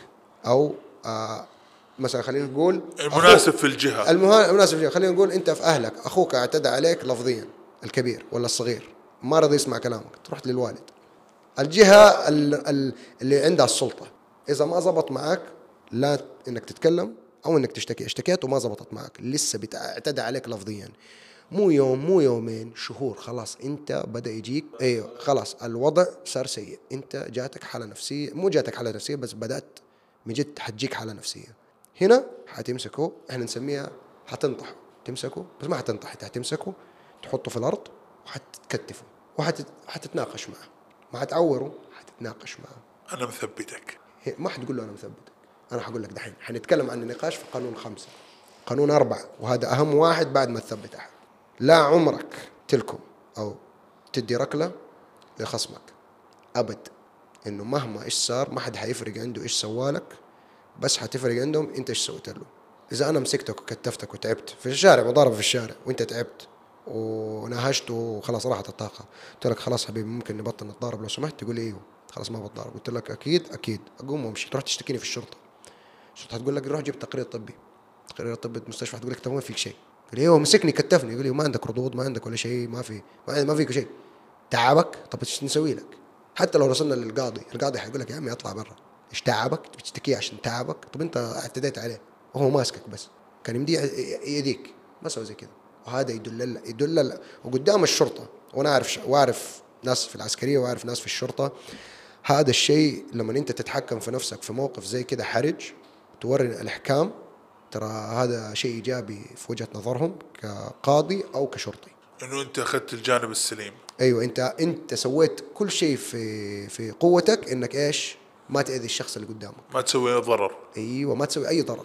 مع زي- إنه كان يمديك كان عندك الإمكانية وإنت ما فعلتها فهذا في وجهة نظرهم إنك إنسان صالح. أيوه بالضبط. فهو ما هو في صالحك في دي المشكلة. إنت تصير الجود جاي زي ما يقول الرجل الصالح. يا أخي هذا رجال كويس. أيوه. وإحنا وإحنا هذا اللي نعلمه. إحنا ما نباك ما تبقى ما نبغى تأذي أحد. إحنا نبغى نباك تكون تدافع عن نفسك وتتأكد إنك أنت ما ما تنأذي وهو اللي اللي خصم ما ما يتأذي. باختصار جريسي جوجيتسو أيوه. تبني community صالح مجتمع إن شاء صالح. الله إن شاء الله. إن شاء الله. نروح للقانون الخامس. لما تسوي حركة إخضاع تسويها بأقل طاقة ممكنة وتتناقش. إيش معناته؟ لما أنا أخنق أحط أحد في تقنية إخضاع خنق. أو إحكام المفاصل لدرجة إنه أنا بحط ضغط على المفصل ممكن اكسر ما حشد بأقوى ما عندي. أخنقك لما يغمى عليك. ما حأكسر لك يدك ولا رجولك ولا أصابعك ولا ولا أي شيء ولا المعصم ولا حاجة. أنا إيش أسوي؟ أحط لك ضغط بسيط عشان تعرف إنه في ضغط.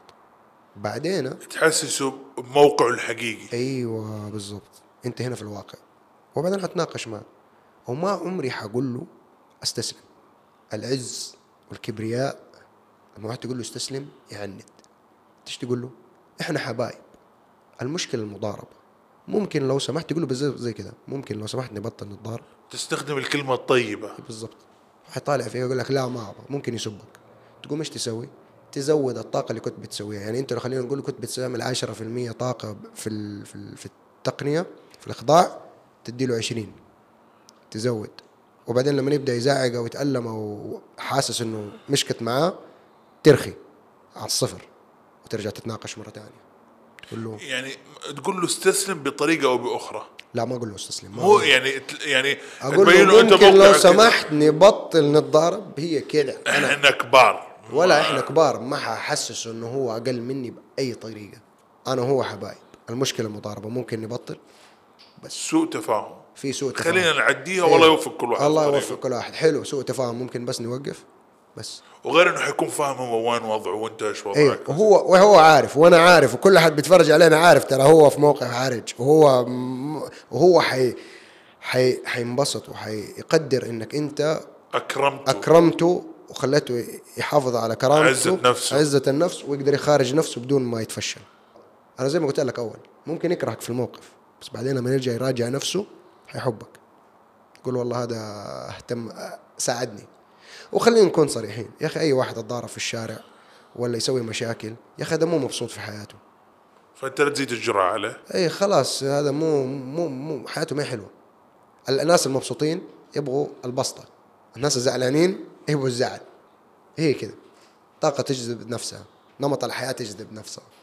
طيب أنت أول قلت لي كلمة. أو دقيقة أو أزيد لك هي. أو ممكن هو يكون عنده مشاكل نفسية آه عقلية وعلى أدوية أو حتى سكر. في ناس عندهم اللي يكون عنده السكر تايب 2 لما تضرب عنده ممكن يصير عنده حالة نوبة عصبية ويتفلت. إذا ما أخذ جرعة إذا ما عدل ال- الط- ال- السكر. السكر في الدم. فهذا ما تلومه لما يصير عنيف. لأنه هذا مريض. هذا مريض. هذا ما يقدر يتحكم بنفسه. صارت له حالة. فواحد زي ده تباني أكسر له وجهه حرام مسكين. مو قادر يتحكم بنفسه. ولا واحد على ولا على حبوب مهدئة آه إنه مجنون هو على حبوب وما أخذ الجرعة حقته وخش وضارب معك. مسكين ده. هذا ما تضربه. قد حصل سمعنا قصص كثيرة. أيوه. في كثير زي كده. مساكين دولة. أو خلينا نقول واحد جاته زعل. الله يجبر بخاطره توفى زوجته واولاده في حادث سيارة وهو وأنت سقطت عليه فولع. أو إنك طلعت فيه وما عجبته نظرته ويبغى يطلع حرته. صار حياته تدمرت في سبب صار في شيء حياته. تدمرت وهو دحين بيطلع حيرته فيك. هذا هذا واحد ما تضرب هذا مسكين غلبان. الله يجبر خاطره. فأنت ما تبى تأخذ كل أحد زي كأنه جبروت ولازم يكسر راسه. ما مو أسلوب حياة ده. وما إحنا إحنا ما عايشين في غابة إحنا في مجتمع آمن عندنا قوانين وحكامنا بانيين أساس. إحنا نمشي على الأساس ده. فبس. فهذا هذه خمسة قوانين. أيوه افتكرت. أنت بتقول لي هل تأسس الناس إنه لازم إحنا ما نعور الناس؟ هذه الخمسة القوانين اللي كل أحد لازم يعرفها. أنت قلت لي أول إنه حصلت قصة مع طالب من الطلاب اللي عندكم أيوة. كان في شغل. آه بدون ذكر أسماء وبدون ذكر الموقف ولا شيء خلينا نقول ألو... ال- الطالب ده في وظيفته صار في مشكلة جسدية آه اعتداء جسدي آه بين شخصين وواحد منهم أضعف بكثير من أحد تاني. فالموظف جاء وقال لهم ترى ما ينفع تسوي الكلام ده عيب. قال له الرجال ما لك شغل. واعتدى عليه بألفاظ عنصرية مع أنه هو سعودي. اعتدى عليه بألفاظ عنصرية وقال أدبه وسبه. فقال له فقال له فقال له عقله الموظف قال له هو بيحكيني بيقول لي والله أنا ما بخش في مشاكل. أخذ بعضه وراح جاب المدير حقه. قال له أنت المدير أتصرف أنا هذا شيء خارج نطاق العمل عندي. فالمدير جاء راح يبغى يكلم الآدمي ده ما شاف إلا أقوى كف وهذا رجل شا- شايب حيتقاعد بعد قال لي أربع شهور من الموقف المدير. فانضرب كف بقوة وطاح في الأرض. فلما الموظف شاف المدير ينضرب مسك ال- الشخص هذا اللي ضربه في مسكة إحكام وإخضاع ونوم. وإحنا طبعا مدربينهم إنه كيف تنوم واحد بطريقة آمنة إنه في في دراسات وأشياء إحنا ما بنلعب. في دراسات وأوقات معينة آه أي شيء وهي أصلا لازم تمسك الخنقة ما بين 6 ل 15 ثانية عشان الواحد يغمى عليه. أي شيء أقل من 30 ثانية أنت في أمان أي شيء أقل من 60 ثانية أنت في أمان أي شيء تحت إيه، خلينا نقول إحنا إحنا أقل من 6 ل 15 أنت في الأخضر. سليم. أقل من 30 أنت في الأصفر أقل من 60 أنت في البرتقالي. أي شيء فوق ال 60 أنت في الأحمر بتقتله. مو شرط إنه مات بس أي شيء فوق ال 60 ثانية أنت بتعرض الادمي ده لخطر كبير. وكل ما كل ما الخطر كل ما عد- تعديت الرقم ده كل ما الخطر زاد. بنسبة عالية. الأكسجين يقل عن الدماغ وكذا الأكسجين ما في أصلا. الدم ما بيمشي في الدم في ال- في المخ. ما في دم بيروح على المخ. فعشان كده يغمى عليه. فمن يوم ما أغمى عليه انتبه إنه أغمى عليه ففلته. فالادمي حطوا على الأرض نزلوا بالراحة عشان ما يطيح ويتعور. نزلوا بالراحة وبعدين آه، على طول صحي الآدمي. نام شوية وصحي. يعني ولا حتى غيبوبة زي كأنه رمش عيونه. ولسه هو ما أعرف إذا عمركم إذا أحد في في الناس اللي بيسمعوا أنت شفتوا أحد يغمى عليه بس ما يستوعب إنه أغمى عليه. فرجع كمل السبسبة والتهزيء زي كأنه ما صار له شيء. كانوا سلك الكمبيوتر لما أنا يفصل إيه، ورجع بعدين شغل. تشغله تلاقي الصفحات تطلع لك. إيه نفس الشيء. بس بعدين هو بيزعق وبيزعق هذا أستوعب إنه هو في الأرض. بعدين قال لهم أنا إيش إيش إيش صار؟ كيف أنا وصلت الأرض؟ واحد كان واحد ما له دخل بالموضوع آه واحد من من من الجمهور خلينا نقول رد عليه قال له نوموك يا حبيبي. قال صار أنا حاشتكيكم ما اشتكيكم قال له إحنا اللي حنشتكيك اعتديت علينا واعتديت على الشخص ده واعتديت على كل أحد وما اعرف إيش والله نرفع عليكم شكوى في هذا والمهم جات الشرطة وأخذتهم ولما شافوا إنه ما عليه أي ردود ولا أي حاجة قالوا له جيب تقرير طبي إذا فيك شيء نتابع الموضوع. راح للمستشفى قال لهم ما, ما في لك شيء قال لك لا ردود ولا حاجة ولا في وسوي له أشعة وسووا له تحاليل وكل شيء كل حاجة بأمر من الشرطة سووا له كل حاجة ما طلع له ولا شيء سليم. وبس دحين حيخش في مشكلة كبيرة. عشان الاعتداء والهذا. فالحمد لله. بس طبعا أنا عاتبت الطالب. ما المفروض يمسك ما سوى القانون رقم خمسة. ما ناقش. ما ناقش. خلص على طول. فهو ما اتبع القانون. فتعاتب. أنا قلت له شاطر إنك دافعت على ناس وزي كذا كله تمام بس المفروض. تتناقش معاه. تخنق تفلت. تتناقش. تخنق تفلت. تتناقش. ما تنوم ما. تنوم. ما تنوم أصلا. ممنوع. مو ممنوع. أنا ما حقول لك ممنوع إنه ممكن في موقف. لأنه في ناس over لا لا أنا أقول لك أنا في ممكن أنا أشرح لك بالضبط عشان هي ما هي over إنه over بالنسبة لك مو زي over بالنسبة لي. أو اللي إحنا نعلمه 99% من المواقف كلها ما عمرك حتضطر تكسر يد أحد ولا إنك تو- تنوم أحد. ما أنت مضطر. هذا يكون آه اختيار شخصي. في النسبة في الواحد في المية دي حلو نوم. واحد بيحاول يخطف طفل واحد بيحاول يتعدى على مرأة واحد بيحاول يضرب واحد كبير في السن في مواقف تضطر إنك أنت تستعمل شوي واحد معاه سلاح مع إنه نحن نقول أهم شيء للدفاع ضد الأسلحة أسلحة إنك تجري. اوفر أهرب. بس في مواقف ما تقدر تشرد منها. بيقول لك الهروب نصف الرجولة. اي بس بيقول في في مواقف ما تقدر تشرد منها. واحد معاه سكينة بيخطف طفلك. ما حتشرد هذا حيكسر له يده. ففي مواقف تضطر إنك تستعمل الشيء ده. بس هذه كم كم المواقف دي؟ 100 1% حتى نص في المية. نادرة. نادرة مرة. بس أنا أديك موقف. في أمريكا صارت تشوفها على ال- ال- اليوتيوب حق الأخوان الجريسي حقونا هيرونا هنا. واحد جاي بيخطف واحدة بنت في نص مطعم قاعدين برا جاء شالها وجاء بيجري. فواحد من حقونا الجريسي انتبه له طلاب من طلابهم. نط وطيحوا في الأرض وكتفوا. وما عوروا ولا خنقوا ولا شيء. البنت راحت سليمة والشرطة جات وشالته وانتهى الموضوع. فحتى في المواقف دي في احتمالية إنه ما تكسر ولا تأذي. في احتمالية كبيرة إنك ما تضطر تسوي أي شيء. بس هي إخضاع. أي إخضاع. وممكن نقاش. لا لازم نقاش. حلو. لازم. لازم. إنك أنت ممكن تخضع. إنه لو ما تناقشت 100% حتنوم أو يعني- حتكسر له يده. إنه هو كيف يعرف إنه أنت بتعطي له فرصة إن المضاربة تخلص دحينة؟ إذا أنت ما تناقشت معاه. اهدى اترك سلاحك يلا. أ- أ- أ- وقف أنت اللي بتسويه. بتضربني بتخطف بتسوي بتسوي مدري إيه، خلص على الموضوع وقفل الموضوع وانتهى. بس لو واحد بيسوي جريمة أنا ما حسيب حنمسكه وحنسلمه للشرطة. 100% خليه يتناقش لين بكرة. حنتناقش معه نقول له أهدى أهدى حبيبي. برضه فيديو تاني. واحد من المدربين اللي عندنا مسك واحد كتفه. في أمريكا كان تحت التأثير آه، المسكر وصار ضرب واحد في بقاله. واحد من الموظفين ضربه. فده مسكه كتفه حطه في الأرض ومسكه. ساعة و45 دقيقة لما الشرطة تيجي. وقاعد يشربه موية بيده وهو مكتفه وحبيبي اهدى وهو بيعافر معه. قال له لا وماسكه ولا شيء. الفيديو خطير. طيب السؤال أنتوا تجلسوا فوقهم؟ مو شرط. كيف تثبتوهم؟ طرق متعددة. في كذا طريقة مو حسب. الت... حت... ح... ب...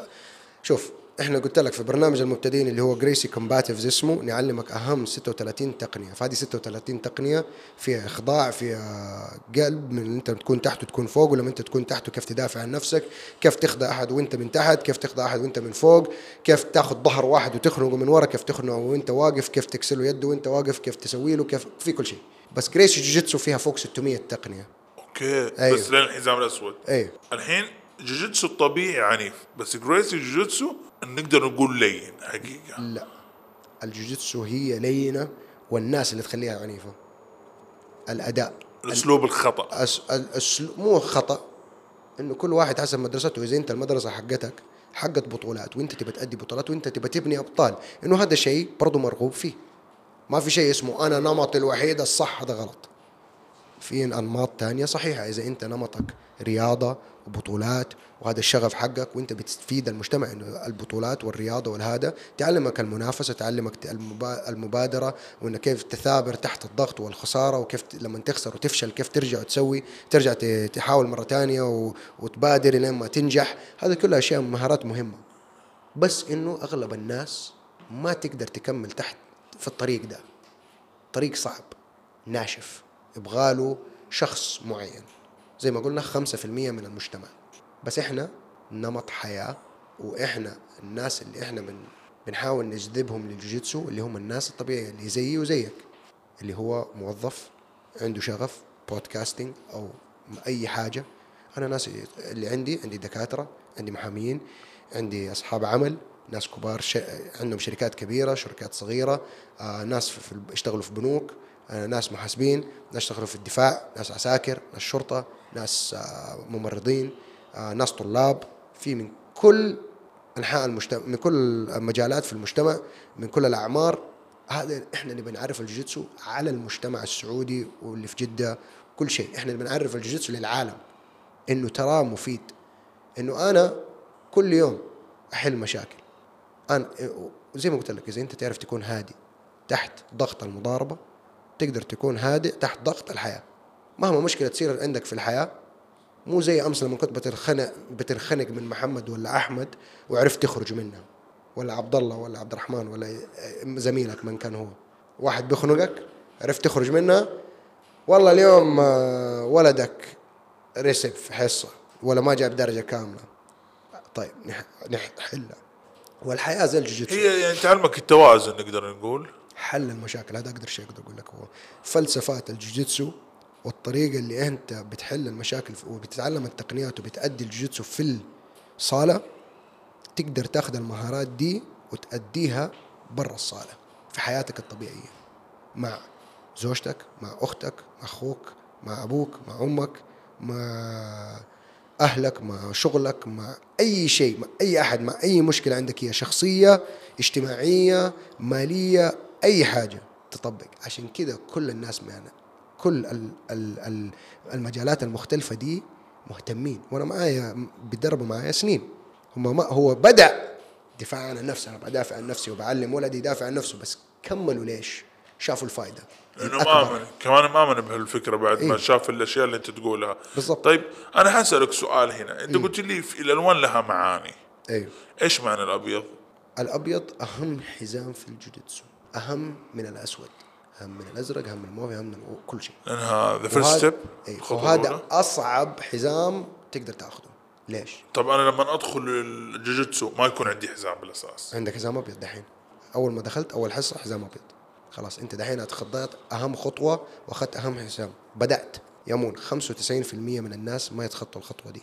ممكن دحين مع الشهرة الجوجيتسو خلينا نقول 90% 90% من الناس ما يتخطوا دي. يعني انت دحين بحزامك الأبيض صرت انت من الفئة ال الإليت المتقدمة العشرة في المية في العالم اللي أنتم بتسووا جوجيتسو. يعني شخص عندك إرادة.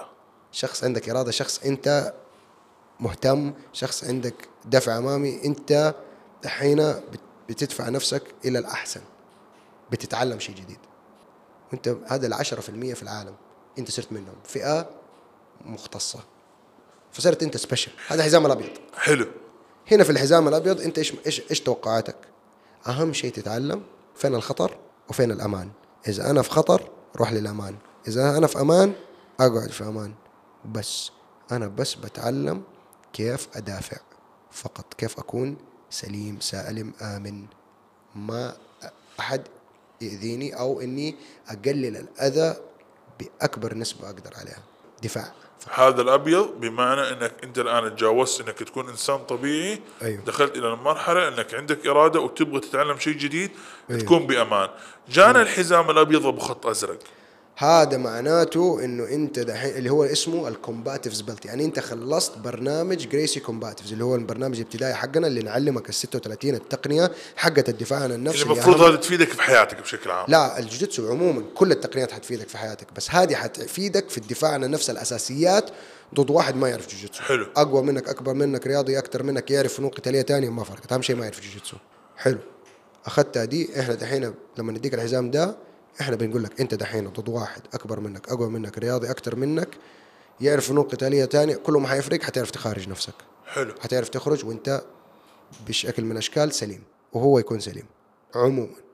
ممكن أنت تسلم أكثر منه يعت- يعتمد على الموقف. حزام الأزرق لما تاخده هذا معناته إن أنت دحين كل الأشياء دي اللي قبلها بس كمان فوق ده كله أنت دحين عرفت كيف تتعامل مع شخص يعرف جوجيتسو. تتعامل معه وليس تغلبه وليس تدافع عن نفسك. بس إنك تقدر تكون ندله لا أنت فاهم إيش هو بيسوي أو إنك على أنت عارف تت- تتعامل مع أغلب الأشياء مو شرط تهزمه مو شرط تتكافى معه مو مو شرط يعني. تبعد عن الإصابات القوية. أيوه أنت على الأقل تعرف تعرف تتعامل معه. تخرج من الموقف. لا حتى خروج ممكن ما تخرج. إنه واحد يعرف جوجيتسو أكثر منك ممكن يجيبك ويمسكك ويكتفك وتخرج. زي الحزام الأسود خويه أيوه ذاك عادي. زي خويه حزام الأسود أو البني بول عادي. كلهم دول أو أليكس أي واحد أحسن مني. أي واحد أحسن مني حزامه أعلى مني. ما أتوقع إني أنا أهزمه. عادي. حلو حلو ما حلو. أتوقع. هذا بالنسبة للازرق إيش اللي بعده؟ بني؟ الموف البنفسجي اللي هو ال purple belt يعتبر أنت دحين لما تاخده صرت خبرة في الجوجيتسو. أنت دحين بدأت أنت دحين فاهم إيش الجوجيتسو. عندك نظام في الجوجيتسو عندك تقنيات تحب تأديها وتقنيات تعرف لها وفاهم كل ال position كل ال- ال- المنا... كل الاساسيات الجوجيتسو ال- ال- التقنية. أنا أعرف ال mount position ال guard position أعرف ال positions كلها أعرف المناطق الم- الوضعيات كلها. عرفت الوضعيات كلها أنا صرت خبرة. أصلا يقول لك نسبة خطورة البنفسجي والأسود نفس الشيء. الفرق بس زمن الإتقان. كيف يعني؟ يعني أنت كحزام بنفسجي خطورتك نفس اللي حزامه أسود. متساويين. متساويين من نسبة الخطورة.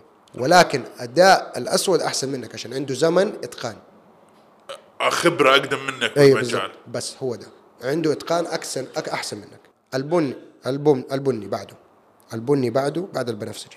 البني انت هنا هذا وهنا الين البنفسجي إحنا هنا بنتكلم أنا هنا بتكلم عن الحزم بمدرسة جريسي. كل مدرسة لها منهجها وتعليمها وفلسفتها مختلفة. البني انت هنا لازم عندك تقنيات أدائها خاصة بيك انت. كيف؟ يعني أداء انت تعلمت تقنيات من هيرون وهنر ومن هوريون ومن إليو جريسي كل التقنيات نزلت لك. اتوارثتها لما انت تتوارث شيء لازم تبني عليه. تضيف. تضيف على التقنيات اللي انت تعلمتها. طب على هذا السؤال بول أضاف؟ ما أعرف هذا ما هو جوج... جريسي جوجيتسو. في المدرسة الثانية ده له هو منهج ثاني آه فلسفة ثانية. حلو. فالحين لازم أحد يضيف. على البني أيوه. في ناس أضافوا كثير آه والله ما أعرف هذا الشيء ما يخ... ما يخصني. آه okay. أسود. أيوه. المعلم الكبير. حلو. بالعكس الأسود معناته إنك أنت دوبك بادئ. أنت معترف إنك أنت تعلمت كفاية إنك أنت تعرف إنك أنت ما تعرف حاجة. هذا هو جريسي هذا جوجيتسو جريس جوجيتسو إنك أنت وصلت لمرحلة إنه كل اللي تعلمته حلو. أنا خبير بس وصلت لل level خبرة لمستوى خبرة أعرف إنه مرة في أشياء تانية كثيره أنا لازم أتعلمها وأتحسن فيها. ال- ال- البحر اللي لازم أغوص فيه ماله نهاية. طيب هل في شيء بعد الأسود؟ آه في درجات في الأسود. آخر أعلى شيء وش بعده؟ آه لا هو أسود ودرجات عشر درجات. بس الدرجة العاشرة في الأسود بس لإليو جريسي وأخوه كارلوس جريسي اللي هم يعتبروا الم... ال- المؤسسين حقون جريسي جوجيتسو. في فنون معينة بيسووها يعني ولا بس لا، لا، لقب؟ لا كلقب. كلقب. إنه أنت شوف عشان تاخذ أكثر شيء أي واحد عايش يقدر ياخذه دحين تسعة درجات على الحزام الأسود. وهذا معناته أنت كنت حزام أسود 40 سنة تقريبا. خبرة 40 سنة. كم عمر مدرسة جريسي جوجيتسو؟ فوق 100 سنة. يعني أول يعني إليو جريسي اتولد في 1913 وفتح أول مدرسة جريسي جوجيتسو في البرازيل. يعني 113 سنة عمرها. 110 دحين. 113 110 دحين. آه 110 110 110 إنه هنا هذا اللي لابسه ال- القميص دوبنا نزلنا بضاعة احتفالا بعيد ميلاد إليو جريسي كان الشهر قبل أسبوعين آه 110 سنة. okay يعني أوريك بس أقوم بس دقيقة. خذ راحتك خذ راحتك. okay الصورة من ورا. إليو جريسي وهنا مكتوب. إليو جريسي 110 اللي صورته في انستغرام هذا هو إليو جريسي. اية واحد في في شايب على طول الشايب هذا إليو جريسي أيوه ال- اللي في الصورة القريبة اللي مسويها اللي حقت الساموراي صح؟ أتوقع أيوه أيوه إنه إحنا اللي اللي الساموراي كانوا يسووه بالسيوف أيام زمان إحنا نسويه بيدنا اليوم أوكي أوكي هذا كان شيء هيليو جريسي يقوله طيب الجوجيتسو أصله ياباني ولا كوري؟ اصله أصله في بعض الناس كانوا الجودو كوري. اللي إحنا نعرفه أكيد اصله أصله صيني بس اللي الناس تشك فيه إنه الأصل الأصل هندي. يقولوا أخ الفن الأصلي الأصلي جاء من الهند راح للصين اتطور بس ما صار الشيء اللي إحنا بنطبقه دحين إلا لما راح اليابان. اليابانيين اللي من جد أخذوا الفنون القتالية وسووها فنون قتال. أول كان يعني يه تقليد حيوانات زي الكونغ فو زي كذا. لا الكونف لا شوف الكونفو والهذا كلها فنون قتالية. وأكيد زمان لما كانوا يأدوها بطريقة فعالة ويتدربوا بطريقة قتال كانت لها فائده بس برضو اليابانيين السبب إنه هم أد... آ... آ... طوروا الأشياء دي وبنوا عليها إنه لا تنسى أنت تاريخ اليابان أغلبه كان قتال حروب عدم استقرار. في 24 ساعة دول بتضاربوا. فأكيد القتال حقهم حيكون كويس. أيوه عندهم خبرة كبيرة. أيوه إنه اللي عايش كان حيموت. هذا عاش حرب. ومو أيام زمان حرب. مو زي دحين مسدسات ومن بعيد لبعيد. كله وجها لوجه. سيوف وضرب ودروع. و... اللي طلع من اليابان كان فن. لا الكوري الكوريين طلعوا تايكوندو.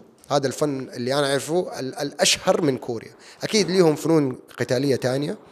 بس اللي اللي طلع من كوريا أساسا اللي هو تايكوندو. في سؤال جالنا. أيوه آه الفرق والمميزات عنها مقارنة بالرياضات المشابهة لها وهل أي عمر يقدر يتمرس ويحترف فيها؟ هذه من المتابع رزان. الله يعطيه العافية بتشارك في أغلب الحلقات. شكرا يا رزان. آه فإحنا عموما قلنا كلام كثير ما شاء الله عن الرياضة ويختصر الموضوع كامل لكن آه سؤال بسيط أقدر اجاوب أي عمر أي جنس أي أحد يقدر يسوي الجريس جوجيتسو آه في أي وقت في حياته. بس. هنا ال هنا ال أقول لك بس. يعني إحنا في مدرستنا للأسف ما عندنا تدريب نسائي لأسباب نظامية. آه إن شاء الله مستقبلا آه يتوفر. بس ما في أي فكرة عن لا أحد يسألني لو سمحتوا. تقدروا تتواصلوا معنا نقدر نوجهكم في الطريق الصح. عشان لو تبي تسووا جوجيتسو ما عندنا مانع. لأسباب نظامية آه غير متاحة عندنا. إن شاء الله لما النظام يتغير إحنا نوفر لكم الموضوع ده. آه تمرين. آه ومن الفئات العمرية يعني في, المقر يقبلوا أطفال من عمر ثلاث سنين. ثلاث سنين يلعب جوجيتسو؟ يعملوا جوجيتسو. هذا كيف حيتعاملوا معه؟ في الكلاس ده اللي فيه له عمر ثلاث سنين الأهالي الأمهات والأبهات بيتمرنوا مع أولادهم وبناتهم. فالولي الأمر آه، يكون أساس إنه يحضر الحصة في ده لازم. في ده العمر. إيوه لازم. لمدة سنتين كذا إلين ما يصير عمره خمسة. إذا خش الفئة دي الفئة العمرية هذه وهو حسب البرنامج. يعني إحنا عندنا كذا برنامج. برنامج الأطفال اللي اسمه جريسي bully proof اللي هو آه، برنامج جريسي ضد التنمر. جريسي combatives ما لي ترجمة. master cycle اللي هو آه، برنامج المتقدمين في الجوجيتسو من blue ل black belt الحزام الأزرق للحزام الأسود. في جريسي bully proof اللي هو جريسي ضد التنمر في كذا فئة حسب العمر. من ثلاثة لخمسة شيء اسمه mat munchkins هذا اسم البرنامج ما حعرف أترجم لكم هو الصراحة هم مسوينه كذا. من فئة عمر ثلاثة لخمسة سنين. من فئة عمر خمسة لسبع سنين اسمه little champs أوكي؟ الأبطال الصغار. من عمر 8 سبع سنين ل 12 سنة اسمه junior grapplers يعني المصارعين ال- المراهقين. أي شيء فوق 12 سنة دول يعتبروا بالغين يروحوا في جريسي combatives أو master cycle حسب خبرتهم. إحنا ما عندنا mat munchkins عشان حسب ولي موضوع الولي الأمر ما عندنا نساء. فولي الأمر أو الخادمة ما تقدر تجي تتمرن معانا فالموضوع البرنامج ده مو متوفر عندنا. عندنا little champs اللي هو يبدأ اللي هو الأبطال الصغار يبدأ عمرهم من أربع سنين. إحنا ناخذ أولاد من عمر أربع سنين. إلين وما فرقت يعني. اكبر أكبر طالب عندي الحين أظن عمره 2 62 ما شاء الله تبارك الله ما وبدأ معايا لما كان عمره 60 ولا 59 الحين معايا أظن ثلاث سنين. والله ما شاء الله تبارك الله. الحمد لله. أنتم منجزين ما شاء الله. الحمد لله. طيب آه، أبغى أسألك وين النادي بالضبط؟ النادي في جدة. المملكة العربية السعودية محافظة مكة المكرمة في حي الزهرة في شارع حلمي كتبي في مكة؟ في لا منطقة مكة المكرمة. منطقة مكة. مدينة جدة. أيوه أيوه. مدينة جدة. أنا سويت إيه مدينة جدة حي الزهرة أو حي الزهراء حسب الكتابة. وفي شارع اسمه حلمي كتبي جنب سوق الشاطئ. لا ورا روائع المكتبات القديم. إيوه اللي فيه ال- ال- الان قاعد يجددوها صحيح؟ الم- المكان المية ديك اللي دحين اتلغت أيوه. تقاطع شارع الأمير سلطان مع حلمي كتبي إذا إذا تبغوا على جوجل جريسي جوجيتسو الزهراء على طول حنطلع لكم أول ناس. حتى أسهل لك إياه أكتب جوجيتسو. تقول لي في 10 أيام مجانا. أي أسمع بقول لك أكتب جوجيتسو على جوجل حنطلع لك أول ناس. طب أنا أعتبروني كل يوم مجانا. شوف أنا قلت لك جربها مرة واحدة وإذا عجبتك أديك خصم خاص. الله يسعدك شكرا لك. بس إحنا اتفقنا وأنا أخلي الجمهور كله يسمع. آه، أوكي. على اتفاق. تحديد فيها يا آه لا مو. تحديد بس عشان يعرفوا إذا ما يسألوني حقول لهم لا والله ويطفشوك. خلاص عشان ما أوكي. عمرك تنسى. أوكي قول لي. عشان دائما هذا إيش يكون تذ- قول لهم تذكار. قول لهم. إيه تذكار. إنه إحنا اتفقنا. بس ما تسبب لي رضا زي خويك ذاك. لا أي خوي المدرب الأول لا أنا ما سوى لي شغل. إحنا ما الحمد لله ما عندنا ولا إصابة جريسي رهيب. لا الحمد لله إحنا ما عندنا ولا إصابة في المركز من ناحية الجوجيتسو في إصابات زي أولاد كانوا بيجروا في المركز خبطوا صباعه في حافة ال- الجدار هذا غلط وكسر اصبعه سلامات الله سلامات. سلامته بس يعني ما هو ما هو جوجيتسو. جوجيتسو هذا برا أصلا الصالة حلو. وهو بيجري كان ماشي حفيان ما المفروض يمشي حفيان أصلا صحيح فهو ما اتبع النظام فهو السبب هو. تحمل حلو. آه وهذا برا الصالة فيعني أنا ما أقدر- له دخل في الجوجيتسو. ما ما أقدر ما أقدر أتحكم بواحد بيجري.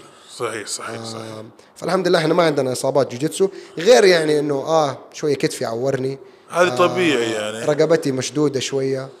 آه ال- ال lower back ظهري من السفلي بيعورني شوية. بس هذه تعتبر أس أسباب في أغ... هذا غلط من ناحية إنه أنت تكون شادد بزيادة في وقت التمرين. فلازم تكون لازم تكون مرتخي. لازم مو مرة مرتخي بس مرتاح. لازم تكون مرتاح وما تشد على نفسك أكثر من طاقتك الاستع... نرجع الاستيعابية. نقول كلمة أنت قلتها الرياضة هي اللينة. إي الفن القتالي اللين. حلو. شوف أبغى أقول لك شيء. أنا ما أدري كم دقيقة سجلنا للآن. أيوه. ممكن سجلنا ممكن سجلنا لنا ثلاث ساعات تقريبا. أظن أكثر. حرفيا كلام جميل. الله شكرا العافية. لك. شكراً الله لله. يعطيك العافية يا مالك. الله يعطيك العافية. حرفيا يعني الحمد لله. استمتعت صح. كله حلو بس أهم شيء المتعة. أهم شيء. وبما يرضي الله. يعني شكرا إنك جيت. شكرا إنك شرفتنا. الاستضافة. الله يسعدك. بالعكس هذا أقل شيء يتسوى. آه في كلمة تبغى توجهها للجمهور؟ آه جربوا جوجيتسو. رجل مرأة ما فرقت طفل صغير. آه إذا مو عندي عند أحد تاني. مهتم في البطولات والرياضة. روح المركز مختص بالرياضة بالبطولات. لا تسألني أوجهك عشان أنا حقول لك كل واحد حيكون مختلف وأنا ما جربتهم كلهم. وحتى لو جربتهم اختلفوا علي مع الوقت. المدربين تغيروا الناس تغيرت فما حقدر أقول لك البيئة. إذا تبغى شيء بطولات آه روح جرب. وأهم شيء تأكد إنك ما تتعور. إذا حسيت نفسك إنك في خطر ما هوش محل آمن ما هو نظيف خذ بعضك وامشي. إذا تبي تشترك عندي لك 10 أيام تجريبية مجانا ما إحنا نوفر لك البدلة إحنا نسوي لك كل حاجة بس تعال. وقع الورق اخلي مسؤوليتنا إنه لو كسرت صباعك وأنت بتجري في المركز ما تحملنا مسؤولية. آه آه، وتعال استمتع. أنا أنا أضمن لك. حتخرج من التمرين مبسوط أكثر من ما أنت دخلته حتى لو أنت كنت أكثر واحد مبسوط في العالم. حتخرج مبسوط أكثر من التمرين وحتطلع إنك استفدت على الأقل شيء واحد. طيب شوف أنا هو طبعا هو قال لي لازم إني أروح المركز. أيوه. وعلى الأقل مرة واحدة إنه نروح أنا قلت لك 10 دقائق حتى ما قلت لك مرة واحدة. زي ما قلت أليكس أقنعني في 10 دقائق أيوة. أنا بقول لك بس أول 10 دقائق دي لو ما أنت مقتنع تكمل الحصة قول لي خلاص أنا ما أبغى. شوف وأقول لك شكرا إنك جيت وجربت. أنا أكون صريح أنا أتوقع إني حنبسط. أنا يعني متوقع- كواحد شخص قابلك أيوه. وتكلمت معك بإذن الله والإيمان اللي عندك أيوه. إنه إن شاء الله ما في أي اختلاف وبالعكس ممكن أكثر. آه طبعا تدري إنه أنا عندي zero pack وال zero pack هذه عضلة عظيمة ما أقدر أتخلى عنها. بالعكس إحنا نحبك زي ما أنت تعال بس. الله يسعدك أنت ما. تصير رياضي عشان تسوي جوجيتسو. أنت تسي- تسوي جوجيتسو عشان تصير رياضي. أوكي حلو حلو حلو حلو. وبهذا الاقتباس أيوه. أنت لازم تكون تحب البودكاست عشان تصير مستمع بودكاست. بالضبط. صح؟ بالضبط. ولا أنا غلطان؟ صح. فأبغى أسألك سؤال أخير. أيوة. هل في أحد تبغى نستضيفه في البودكاست؟ آه. طبعا عربي يعني أيوة. تعرف لغتنا الإنجليزية فرنسية فما عادي. فالأداء عالي. آه والله بس آه عندك آه يعطيه العافية واحد من طلابي اسمه محمد السباعي. حلو. آه كان آه محترف مقاتل MMA كان في Desert Force اللي هو عرفته. أيوه. آه شفته في ال story لما عرضنا. الحين هو حق ماراثون كمان صحيح؟ دحين أيوه دحين بيدر دحين آه، دوبه شارك في ماراثون آه، كامل في اسطنبول وبيدرب ماراثون لواحدة من الشركات عندنا هنا في السعودية الرياضية صار مدرب ال- الرئيسي حقها. وبيسوي جوجيتسو بيسوي ماراثون ويدرب موي تاي وهذا كان شغفه وهو يقدر يحكي يحكي قصة حياته. حلو. بس حياته حلوة قصة حياته يعني حلوة. تنصحني استضيفه أنصحك تستضيفه أنا والله اخذت حساب وقلت حرسله بس خليني إيه، اخلص إنه إنه إنه قصة حياته حلوة. أنا لو أنا حكاني هي وزي كذا أنا أقول إنه هو مر بتجارب حلوة والصراحة أنا أحب التج... الناس اللي داخل وهو ترى مشتغل في شركة كبيرة وعنده منصب حلو. فحلو إنه الواحد يسوي كل حاجة وإنه ما ياخذ ال... زي ما يقول لك النمط الحياة والطريقة الحياة الطبيعية.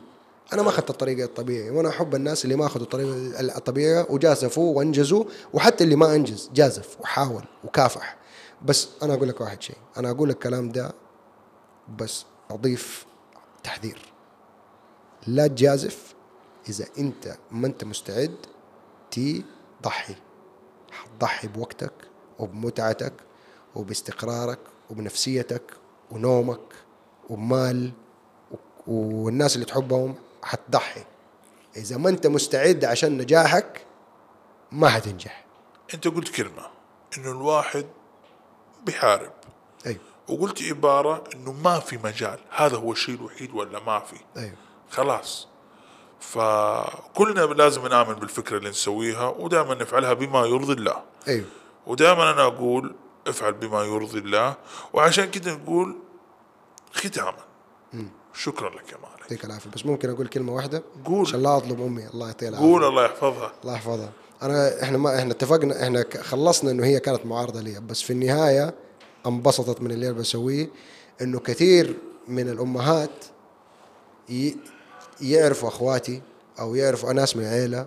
ولا ناس من العيلة فجأة ولا صحباتها فجأة اولادها ولا قريباهم ولا مدري إيه بيتمرنوا عندي فيحكوها أو تشوف الصور اللي عندي. يوصل الكلام. فيوصل لها وصل لها الكلام. يعني الناس هي تعرفهم بدون ما هي تسألهم. قالوا لها آه ولدك مالك اللي يدرب جوزه قالت لهم إيوه. والله ما شاء الله وهذا ويمدحوا ولا هذا الكلام. فهي انبسطت. فخلاص من يوم ما انها شافت إنه هذا ليه فائده وليه ليه استقرار وليه هذا فدحين دعمتني 100% وأنا كل أهلي الحمد لله بيدعموني 100% أولهم زوجتي وابويا وأمي وأخواني كلهم ما شاء الله أفضل. الله يحفظهم ويبارك. فيهم جميعا. وشكرا لك يا مالك. وأنا ما أقدر أسوي ولا شيء ده إلا برب العالمين أول حاجة. الله يوفقك. وبالأهل وبزيك أنت يا مون يسعدك، الله المدعمين يسعدك. اللي يساعدني أنشر الكلام ده للناس. وبالمجتمع. فاللي ما يبغى يساعد اللي ما يبغى يساعد نفسه ما حيساعد غيره. فساعد نفسك سوي الجوجيتسو عشان تساعدني وأنا أساعدك والحياة تكون أنت تفوز وأنا أفوز. بإذن الله. إن شاء الله. هذا لازم ازور مركزكم. بس أعطيني أي. أبو أسبوع كذا ارتب أموري وإن شاء الله جايكم. أنا أديك إلين فبراير. لو ما جيتني أنا حجيك في سؤال أخير. أيوه. أنت قلت لي في شهر واحد مسافر عشان الحزام؟ أنا رايح أختبر عند هيرو نهن إن شاء الله الحزام البنفسجي وراح أرجع أتصرح تصريح التدريب. الله. يوفقك آمين يا رب. ويسهل أمرك. هذا شيء حلو عندنا. إحنا مو بس آه أنت مدرب خلاص روح أتوكل.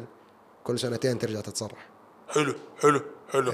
الله يوفقك. تطور. أمرك. طور من طبيعي. أنت قلت وكمان إن شاء الله توصل مرحلة للحزام الأسود إن شاء الله. رقم تسعة والله يوفقك. إن شاء الله. إن شاء الله لما يصير عمري 77 78 أكون حزام. هي مالك إيش سويت؟ في الجوجيتسو للآن؟ آه يصير إن شاء الله عندك بإذن الله. مراكز حوالين العالم. إن شاء الله. الله يوفقك. الله يعطيك العافية. شكرا لك. شكراً. شكرا للزيارة. أسعدتنا. وشكرا للمستمعين. إنكم استمعتوا لآخر الحلقة. وفي الختام. لا ننسى دعاء الخروج من المجلس. سبحانك اللهم وبحمدك أشهد أن لا إله إلا أنت أستغفرك وأتوب إليك. السلام عليكم ورحمة الله وبركاته.